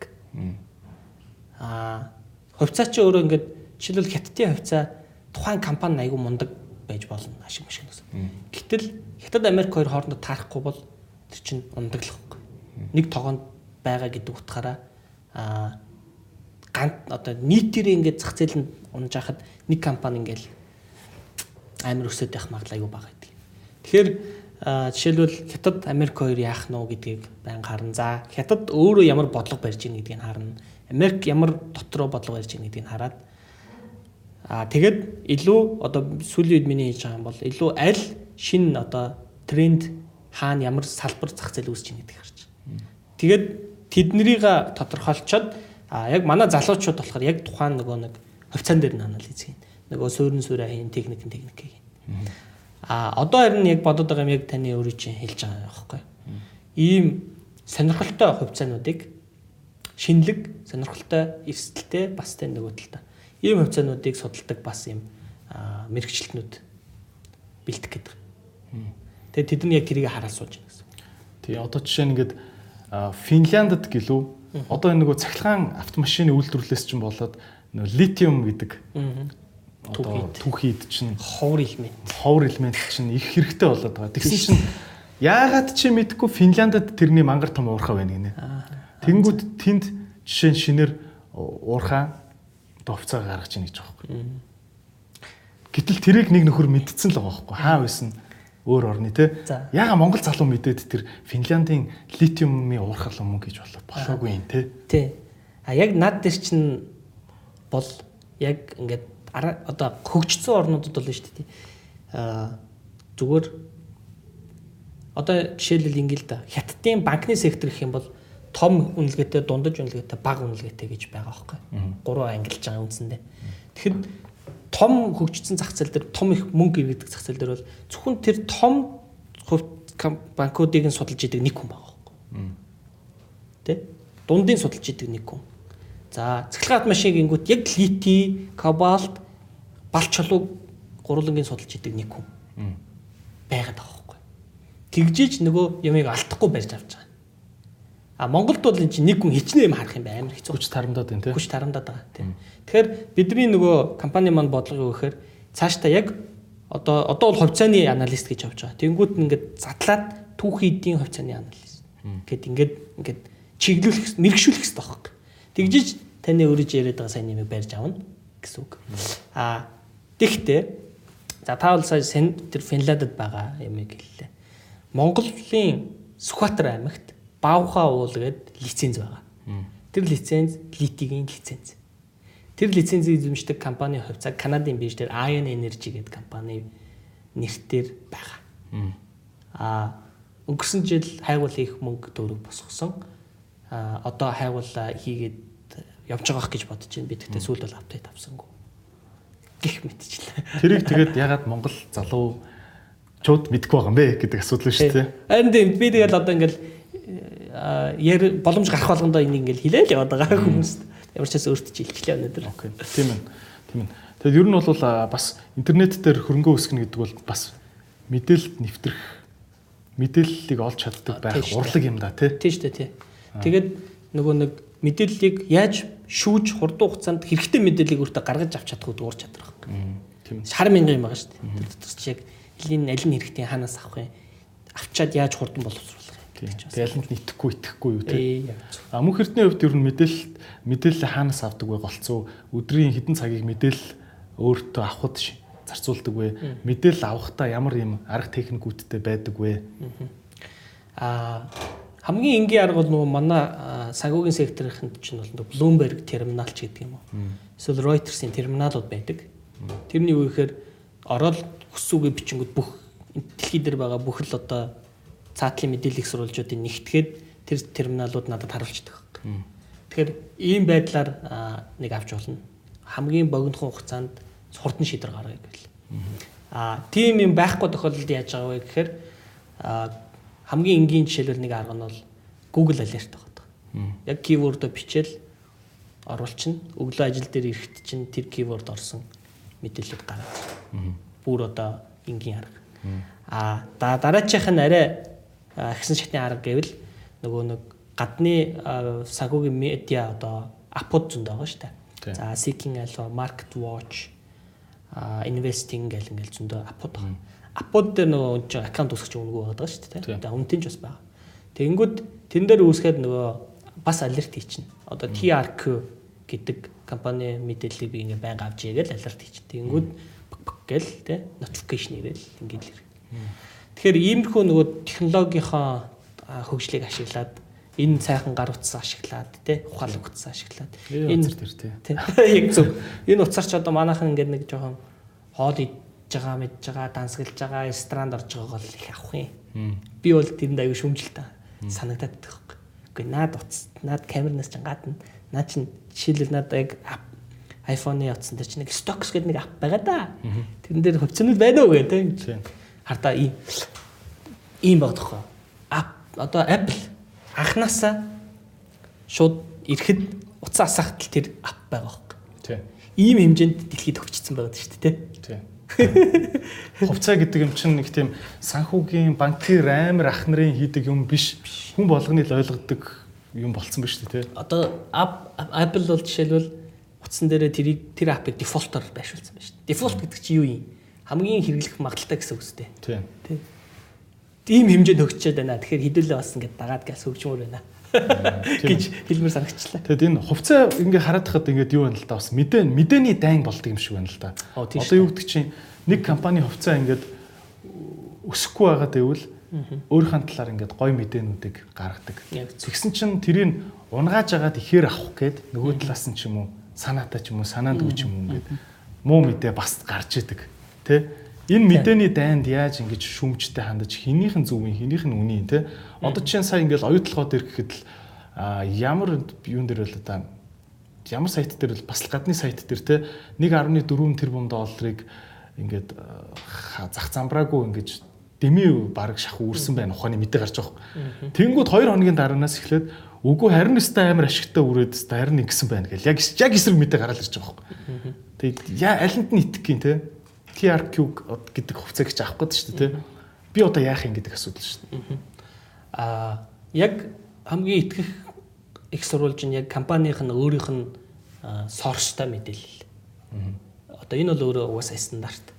За яагаад гэж байгаа гэхээр хэрвээ тэр компани өөрөө тэр мэдээллийг гаргачаад одоо албаар буруу мэдээлэл, худлаа мэдээлэл гаргасан байлаа гэж бодох юм бол дараа нь нөгөө одоо хөгжсөн орнуудад бол одоо нөгөө Америкийн санхүү зохицуулахаар очиод дургуулын тавиад хэргийг хүлээлгдэг. Систем ажиллаад байгаа байхгүй цаана. Тэгэхээр тэрийг тийм асуудалд орохгүй тулд компаниуд үнэн бод мэдээлэл өгөхөөсөөр аргагүй тийм үүрэгтэй. Тэгэхээр нэг а хоёрдугаар компаниудынх нь өөрсдийнх нь вебсайт руу н орох юм бол ер нь дэлхийн бүхэл одоо лист компаниуд бол юу байгаа нөгөө нэг subscription тай байгаа.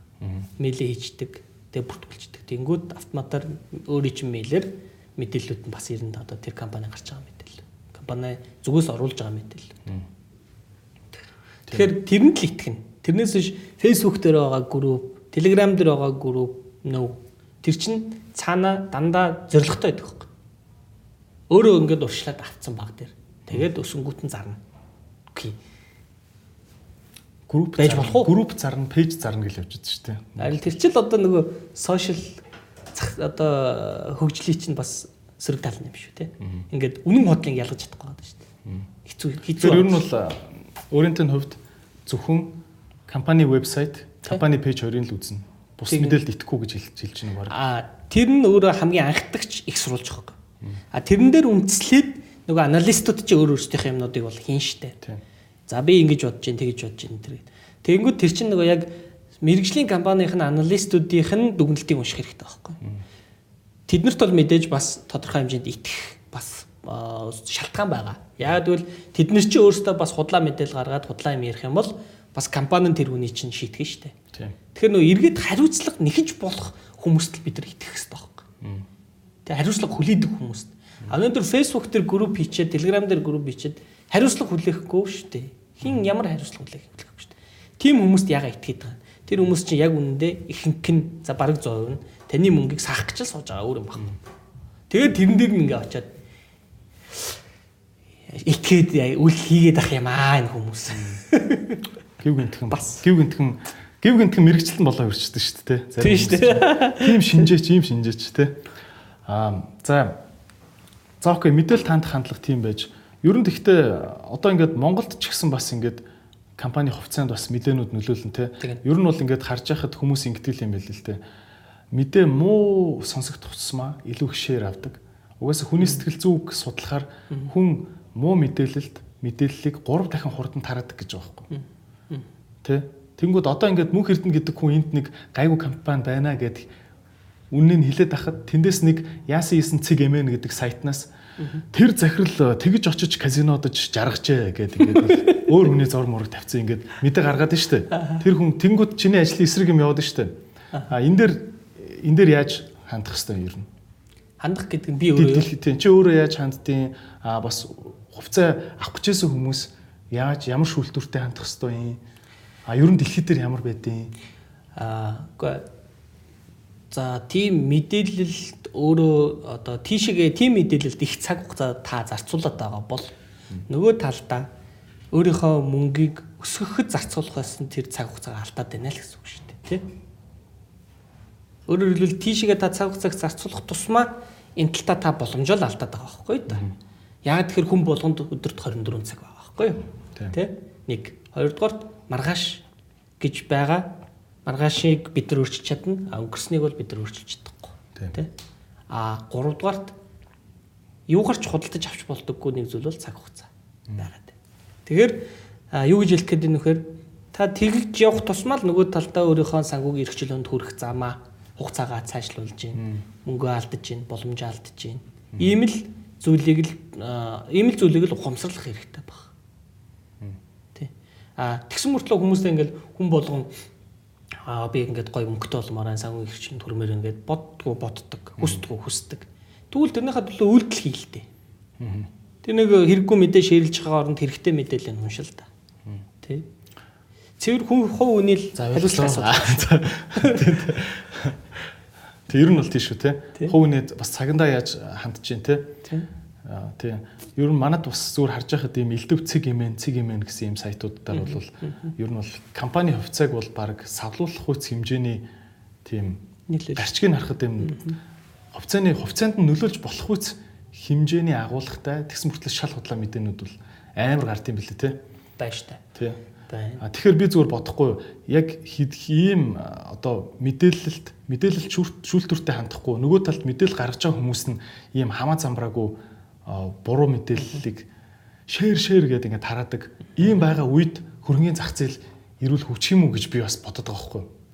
Тэгэхээр надад зүгээр хөрөнгөний зах зээл хөгжихөөс өмнө магадгүй хүмүүсийн мэдээлэлд хандах хандлага нь эхэлж өөрчлөгдөж дараа нь тэр компаниудаа зөв үнэлээд элдв ховор биш зөв үнэлээд хөрөнгө оруулдаг болоод ингэ надад ийм амар юм том тойрог бүрдчихэж одоо тань хөгжүүлэх гэдэг юм хөгжих гэдэг юм харагдаад байгаа. Гэхдээ миний бодлоор бол ийм аа зэрэгцэл явах хэрэгтэй. Аа. Энд чинь хүн чинь ингээд бодит амьдрал дээр үйлдэл хийж иж хөгждөг. Тэрнээс за энийг нь хийчээд энийг нь хий гэх юм бол нэгдүгээр хугацаа алдна. Аа хоёрдугаарт яг бүрэн төгс болж чадахгүй гэж бодож байна. А тэгэхээр аль аль нь хар цагаан зэрэгцэж явж жаагаад тэндээс цаг хугацааны явцад хүмүүс ялгарх хэрэгтэй гэж бодож байна. Ялгарх хэрэгтэй буюу оо энэ нь миний чинь буруу байжээ. Энэ одоо Facebook-ийн групп чинь худлаа хийсэн. За тэгвэл эдний гаргаад байгаа энэ анализийн судалгаанууд шаарна баримжаатай байсан юм бэ шүү энийгээ дагая гэж ингэж л явна гэхээс биш а яг энийг нь эхлээ хөгжүүлчихэд тэгээд энийг нь гэвэл энэ ч угаасаа амьдрал дээр хэрэгжихгүй шүү дээ. Окей. Тэгвэл харцаг хослол явахаас аргагүй л гэж хэлж байна тийм. Тэгэл алдсан шүү дээ. Угаасаа алдна. Угаасаа хулигдах нь хулигддаг нөхдүүд нь байна. Хулигтуулдаг хүмүүс нь ч бас байна. Угаасаа энэ алга болохгүй. А зүгээр миний бодог зүйл юу гэхээр энийг яаж аль болох богинохон хурдан хугацаанд аль болох тэр энэ одоо атмосферыг аль болох багасгахгүй буюу одоо тэр шар мэдээнд итгээд идэг тэгээ худал мэдээнд итгээд байгаа хүмүүс яаж хурдан хугацаанд нөлөөлж зөв тал руу чиглүүлэх үү гэдэг дээр л бодож байгаа. Окей. За санхүүгийн салбарын хүн ирснийх асуучих санхүүгийн салбарт одоо яг юу болоод байна? Ингээд банкны хүү буурлаа гэж энэ төр зуурын нэг юм залуу засгийн газрын хийж байгаа төр зургийн алхам юм уу эсвэл үнэхээр банкны сектор яг ийм дандаа хүү багтаа ийм японоор хуу болох гээд байгаа юм уу? Банкныхан дотор юу ярьж юм те? Одоо банкнууд ингээд нээлттэй компани болно гэж байна. Хизээ вүлээ те? А тэрэнд бас өөрөө оролцох гэж байна уу? Бид нар юу н оролцох ёстой юм уу? Банкнаас тийм их хүн ногдол ашиг өгөж юм уу? юу болоод байна. За юу лээ 20 жилийн өмнө би 20 жилийн өмнөх хадгаламжийн хүүг харсан чинь 45% байсан. Өнөөдөр 15%. За банкар л яриад байгаа шүү дээ би тий. Банкар л яриад байгаа жилийн хүү. 20 жилийн дараа хэд болох вэ? Мэдээж буурна. Аа зүгээр одоо бол цаг үеийн нөхцөл хөдлөөс болоод хурдтай л буурчлаа. Тэрнээс ш буурсаар байх болно. Энэнд бол эргэлзэх юм байхгүй. Тэгэхээр одоо ингээ хадгаламж эзэмшигч нар маань ингээд толгоо өвдөхгүй сайхан 15% 16% авдаг байсан бол одоо жоохон толгоо өвдөх хөсөр арахгүй байдал руу орж байна. Тийм учраас энэ замаас ухрах зам байхгүй учраас эртгэн толгоо өвдөхөд эхлэх хэрэгтэй гэж би бол нэгдүгээр хэлэх гээд байгаа. Нэгдүгээр. А хоёрдугаарт яг энэ банкны IPO гэдэг маань а за нэг талаараа нэг одоо цөөхөн эзэдүүдээс нөлөөллийн эзэдүүдийн нөлөөллийг бууруулах гэдэг утгаараа би бол зүйтэй гэж тийм харж байгаа. Аа илүү засаглалтай болно гэж харж байгаа. Засаглалтай болохын ирээр нөгөө халттай хүрээнд явдаг юмнууд багасах хэрэгтэй шүү дээ, тийм гол нь. А энэ утгаараа бол энэ Монголын эдийн засгийн хөгжилд бол том нөлөө үзүүлэх үйл явдал болж байна. За нөгөө талаараа хөрөнгөний зах зээл дээр бол хөрөнгөний зах зээлийг дараагийн хөгжлийн шин шатанд гаргах ийм үйл явдал болж байгаа. Уусар нэм тодруулчих. Хөрөнгөний зах зээл гэж хэлээд байгаа нь хувьцаа арил хувьцааг л хэлээд байгаа юм шүү дээ. Хувьцаа бонд. Хувьцаа бонд хоёрыг хэлээ. Тий, гэл яачжээ. Аа. Яг хоо Тэгвэл бас ийм санхүүгийн үгнүүд их гээд буруу ойлготой яваад идэх те. За, зочлол. Аа, тэгэхээр яагаад хөрөнгөний зах зээлд их чухал вэ? Ийм хөгжлийн дараагийн шатанд яагаад гарах гээд байна гэж яриад байна те. Гэхдээ Монголын хөрөнгөний зах зээлийн түүхэнд аа нэг дор, нэг салбараас хамгийн чанартай 5 компани байтугай 2 ч компани гарч байгаагүй байхгүй. Өөрөөр хэлбэл хууль юу гэж гарсан бэ гэхээр системийн 5 банкыг нэлттэй компани болгоо гэж гарсан байхгүй. Тэрнээсээ хамгийн сүүлд нь байгаа 5 банкыг гаргаагээгүй байхгүй. Энд чинь ингээд 10 хэдэн банк байгаа лээ байгаа шүү дээ. Хамгийн сор болсон 5-ыг гаргаа гэсэн байхгүй. Энд чинь өөрөөр юу гэсэн үг вэ? Хамгийн чанартай, хамгийн эсэл багтай өгөөжтэй байж болох компаниудыг хөрөнгөний зах зээл дээр гаргаа гэсэн шийдвэр гарсан. Тэгэхээр эн чинь юу вэ гэхээр маш чанартай таван одоо бүтээгдэхүүн энэ зах зээл дээр гарч ирэх гээд байна. Нэг талаас. Нөгөө талаас Монголын эдийн засаг гэдэг чинь өөрөө банкны сектор юм аа. Одоогоор. Тэгэхээр Монголын эдийн засаг өөрөө хөрөнгөний зах зээл рүү орж ирэх гээд байна гэсэн үг байна. Тэгэхээр эндээс яавч хоцорж болохгүй нэгдүгээрт. Заавал орох хэрэгтэй Орохдоо харин 5 банк байгаа. Судалж агаад миний бодлоор 2 банк руу орох нь зүйтэй болов уу гэж би бодлуулж орох гэдэг тийм. Нэг нь бол илүү ингээд эрсэл багтай өсөлт ашиг нь ч гэсэн баг байна гэсэн үг. Нөгөөх нь арай илүү эрсдэл өндөр аа бас дагаад ашиг нь өндөр байна гэсэн үг шүү дээ тий. Хоёр банк гэдэг маань. А ганцхан эрсдэл багтаа гэж бодоод ингээл нэг банк авчвал бас тэр чинь утгатай шүү дээ тий. А ер нь ерөнхий дүр зургаараа энэ хөрөнгө оруулалт өөрөө яг одоо ингээд сайлын үнэ шиг хөрөнгө оруулалт болно гэж би бол харж байгаа. Тухайн хувийн хувьд. А түрүү хэллээ те хятадын тэр ямар банк гэлээ те? ICBC. ICBC банк. Энэ банк жилдээ 5% ногдол ашиг. Оруулсан мөнгөнийх нь 5% юм уу те? Ногдол ашиг өгдөг гэсэн. Монголын банкуд ер нь хувьцааг нь авчлаа гэж бодъё л та. Хэр ногдол ашиг өгөх вэ? Хэр ашиг өгөх вэ? Яг одоо байгаа өнгөрсөн хугацааны статистик дээр нь үндэслээд хэлэх юм бол дундажлаад хэлэх юм бол за нэг 5 6% нь л ногдол ашиг өгөхөр байгаад байгаа. Аа тухайн нэг банкын тодорхойлоод аваад үзэх юм бол 10% хүртэл өгөөж өгөх боломж бол бас харагдаад байна. Нь банкныхаа өөрийн орлогын 5% гэж байгаа юм уу эсвэл би 100 төгрөг оруулсан байвал надад зөвлөд 5 төгрөг өгнө гэсэн юм уу? Жилийн хоёр дахь. Хоёр дахь нь өстэй тий. 100 төгрөг хийлээ. Жилийн дараа 5% 5 төгрөгийг шигт авах боломж байна л гэсэн үг. Аа тэгэхээр яг энэ бол ингээд нөгөө Монгол шиг нөгөө хадгаламжийн хүү өндөр байгаа учраас баг сонсогдод байгаа юм л та. 5% гэхэр чинь бага бага байдаг шүү дээ. А яг тухайлсан нэг ингээд банкуд дээр та бүхэн ингээд сайн анализ хийж чад харах юм бол тэрнээс илүү өндөр хүү авах нодлол ашиг авах боломж бол байна нэг. А хоёрдугаарт нөгөө банк ч өөрөө томрохын хэрээр хувьцааны ханш чинь бас өссөн шүү дээ. Тэгэхээр ханшийн өсөлтөөс бас ашиг хийн. Аа тэгэхээр би бол миний төсөөл бол юу гэхээр ингээд маш тогтвортой ингээд өсөөд байж идэг ийм л хувьцаа болно гэж харж байгаа. Хувьцаанууд болно гэж харж байгаа.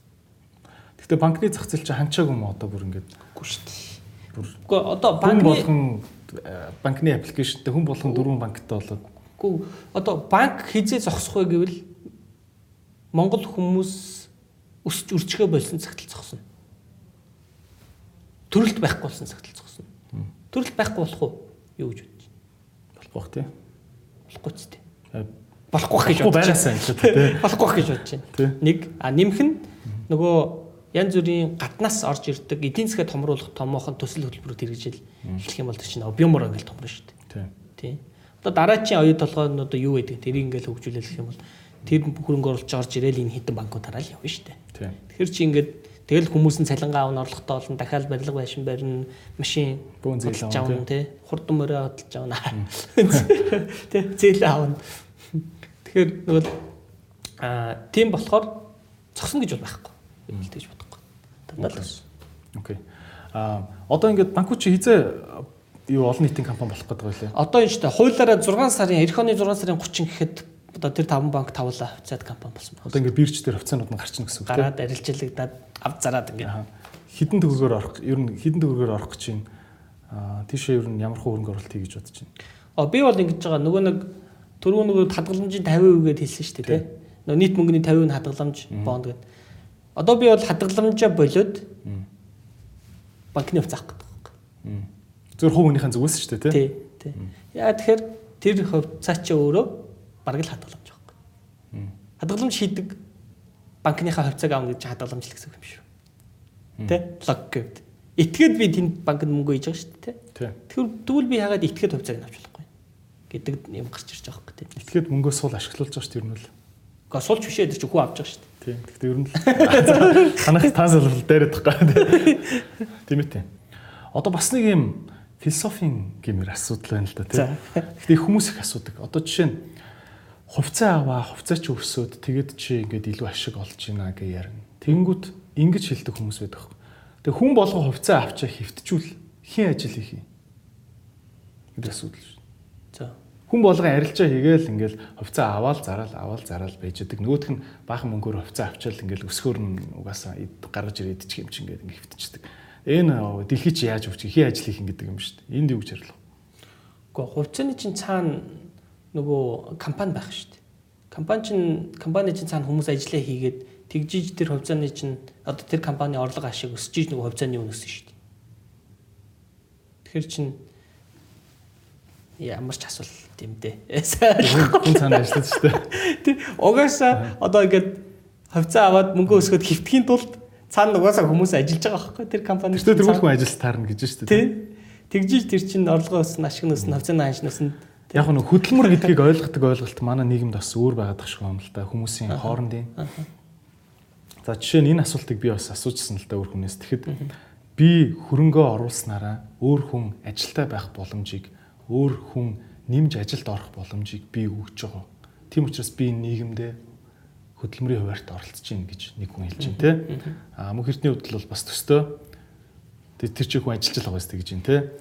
А тэгэнгүүт бас нөө манад ягаад чи магадгүй социализмын үеэс болсон ч юм уу нэг юм заавал нэг юм гараараа юм хийж иж заавал нэг биеэ зовоож иж хөдөлмөр хөлсөө туслуулан байж энэ төр гэж ярьдаг байхгүй. Би энд хөлсөө туслуулж яхад чи тэнд одоо худлаа сошиалор юм бичээд гэж ярьдаг юм хандлага байна шүү дээ. Тэгээ одоо ингээл нэг гончтой залуу ингээл том том юм яриад ховцоо авлаа гэл. Чиний тусалсан хөлс хаана байна гэл те. Энэ дэр ер нь хөдөлмөрийн хуралдын тал дээр ямар философи байна одоо санхүүгийн эдийн засгийн философи? Аа санхүүгүй улс орон эдийн засаг компани гэж байхгүй шүү дээ тий. Тэгэхээр хүн болгоны өөрийнх нь сонголтын л асуудал үстэй. Би өөр тэгж л бодож байна. Тэр хүн яг өөрөө дуртай ажиллаа хийгээд, дуртай юмаа хийгээд, дуртай ажиллаа хийгээд одоо өстой нэг хөлсөө туслуулад мөнгө олдог. Тэр бол тэр хүний сонголт. А идрээ энэ замыг сонгосон идрийн сонголт, энэ миний сонголт. Зам би энэ замыг сонгосон миний сонголт. А хамгийн гол нь нэг л зүйл дээр бид нэр очиж нэгдэж байгаа хөөе. Хаана юу хийж байгаа зүйл хамаарат. Хүнд хэрэгтэй зүйл хийх. Хүнд хэрэгтэй зүйл хийж ийн гэдэг чинь тэр би хөдөлмөр хийж ийн гэсэн үг үстэй. Тэ? Одоо хоёул хөдөлмөрлөж шүү дээ. Тэ? Орчин үеийн тэ. Одоо жишээлбэл тэр трейдерүүд гээл тэгж байна. За тэр трейдерүүд одоо өөрийнхөө мөнгө өсгөлөө. За тэгээд олсон ашгаараа гараад юм худалдаж авлаа. Тэ? Тэгээд тэр худалдаж авч байгаа юмыг үйлдвэрлэсэн хүмүүсийг цалингийг өгж ийн гэсэн үг үстэй тэр чинь тийм. Ингээл а хувь нэмэр оруулж лээ шүү дээ. Тийм. Ямар асуудал байна? Тийм ээ тийм. За окей. Зүгээр хариулт авах гэсэн шүү. Яг тэгвэл иймэрхүү комент айгүй харагддаг байхгүй юу? Ер нь энд явж хахад. Би яг тэг санхүүгийн хүнээс асуус асуух хэрэгтэй байна гэж бодож. За ингээд мөнх эрдэнтэй маш одоо нээлттэй гоё санхүүгийн тий сэдвэр голчилж ярилцлаа. Гэхдээ би бас нөгөө нэг юм манай подкастын классик асуулт байдаг байхгүй. Нэг 16 та 17 та дүү. За. За. Яг танаа хамаатны дүү. Одоо ингэ нэг амар юм юу юм хүсээгүй. Альбны юм хүсээгүй. Хурч ирээд заахаа би одоо ингээ 17 настай. Санхүүгийн талаар би юу мэдвэл миний ирээдүй илүү гэрэлтэй байх вэ? Та надад юу зөвлөх вэ? Зөвхөн санхүү гэлтгүй юу юм Чи яг 17 та дүүдээ сайн сайхныг хүсээд юу зөвлөх вэ? Аа. Зөвлөгөө өгөөч. 4 5 хэд ч үж бол. Аа. За би бол ингэж л хэлнэ. Чи яг дуртай хийхийг дурт хүсдэг дуртай юм чи юу вэ гэж би нэгдүгээр асууна. За. Чи яг юу хийхээрээ кайфтай, аз жаргалтай, гоё байд. Тэ нэг. Тэнгүүд нөгөө дүү маань нэг юм хэлнэ дээ тэ. За ийм юм За тэнгууд мэдээж хоёрдугаарт өөрийнхөө өнцгөөс яг тэр мэрэгжлийн бодно тий. Тэгээ тэр мэрэгжил нь ямар ямар хуу одоо юутай ирээдүйтэй байгаа талаарх өөрийнхөө төсөөллийг хуваалцсан. Тий. Аа тэгээд гуравдугаарт тэр юмыг нь боддоор үйлдэл болгоход нь хувь нэмрээ оруулна. Том жижиг нь хамаагүй ямар нэг байдлаар үйлдэл хийж өгнө гэсэн үг. Дэмжиж өгнө гэсэн үг. Жишээлбэл би бол яагаад жишээлбэл ингэж энийг хэлж ийм гэхээр манай ээж намайг анх одоо их сургуульд ороход 50 мянган төгрөг өгчээсэн байхгүй. За данс нийлгээд хувцас аваа миний хөө тэ. Тэгээд наад хөрөнгөний зах зээл гэдэг юм чинь ирээдүйд хөгжнөө. Манай ээж болохоор э, эдийн засаг эдийн засагч хүн л дээ. Супер. Тэгээд гэж надад хэлсэн. А би ч өөрөө дуртай байсан. Өөрөөр хэлбэл а миний дур хөслийг тэр хүн өдөөж өгж үйлдэл болгож өгсөн байхгүй. Тийм ээ. Тэгэхээр би бол яг өөрийнхөө бодит кейс дээр тулгуурлал яг л ийм гурван л үйлдэл хийн. Nice. Дуртай юм нь олоод өдөөж өгч ийн гэдэг чинь тий. Дэмжиж өгч ийн гэдэг чинь. Ер нь альва нэг хүсэл яг ийм жижигхэн ч хамаагүй үйлдэл болж хувирч иж яг амьдралыг өөрчилдөг тий. Тий. Яг үйлдэл хийж иж миний болгочоор бол хүн үйлдэл хийж иж яг одоо тархаараа зүрхээрээ ингээд биеэрээ ингээд яг трийгээ мэдэрдэг. Одоо ингэж ойлгож ухаардаг гэх юм уу? Тийм. Яг боддоор. А ярих бол ярих штеп. Тийм ээ. Ярих бол хангалтгүй. Тийм. Nice. За ёстой гоё зөвлөгөө байна. Баярлалаа. За тэгээд мөнх эрдэндээ амжилт хүсье. Тэгээд санхүүгийн салбарт бас ингээд залуу залуучууд те одоо ингээд маш юм тэргүүлэх албан тушаалыг хашаад одоо манлайлаад ирж штэ те энэ бол бас зүгээр би бас боддог байхгүй ингээд одоо миний подкаст хийдэг бас нэг шалтгаан нь одоо манай нийгэмд зөвхөн ингээд нэг амар гарч ирэл дуулж урдгаас илүү гэхдээ дуулж урдах нь бол зөв те байх хэрэгтэй. Гэхдээ тийм маш олон ингээд хэрэгтэй зүйлийг хийж байгаа зөндөө олон залуучууд байгаа. Энэ олон залуучуудыг бас ингээд аль болох танилцуулаад те олон хүнд хүрх юмсан гэсэн зорилго үүдээ. Тэгээд танаа ажил төрөлд амжилт хүсье. Тэгээд маш олон хүнд ийм хөрөнгө оруулалтын талаар гоё мэдлэг дэлгэрүүлээд явж байгаад бас их баяртай байна. Тэгээд баярлалаа. За баярлалаа. Тэгээд аа бид нар альва зүйлийг нөгөө жижиг гэхгүйгээр тэгээ яахгүйгээр тэгээд эрт эхлэх хэрэгтэй байна. Тэгэхгүй болохоор биднийг энд ингээ унтчихад дэлхий чи эргээд байна. Дэлхий зогсохгүй байна. Бид нар жишээлбэл унтаад зогсоод. А тэгсэн мөртлөө бид нар дэлхийгээс асар холоо байгаа шүү дээ. Тийм шүү дээ. Тэр нөхөж гүйцэхийн тулд хичих хэрэгтэй байна. Залуучууд ялангуяа. За хичээе. Баярлалаа. За баярлалаа.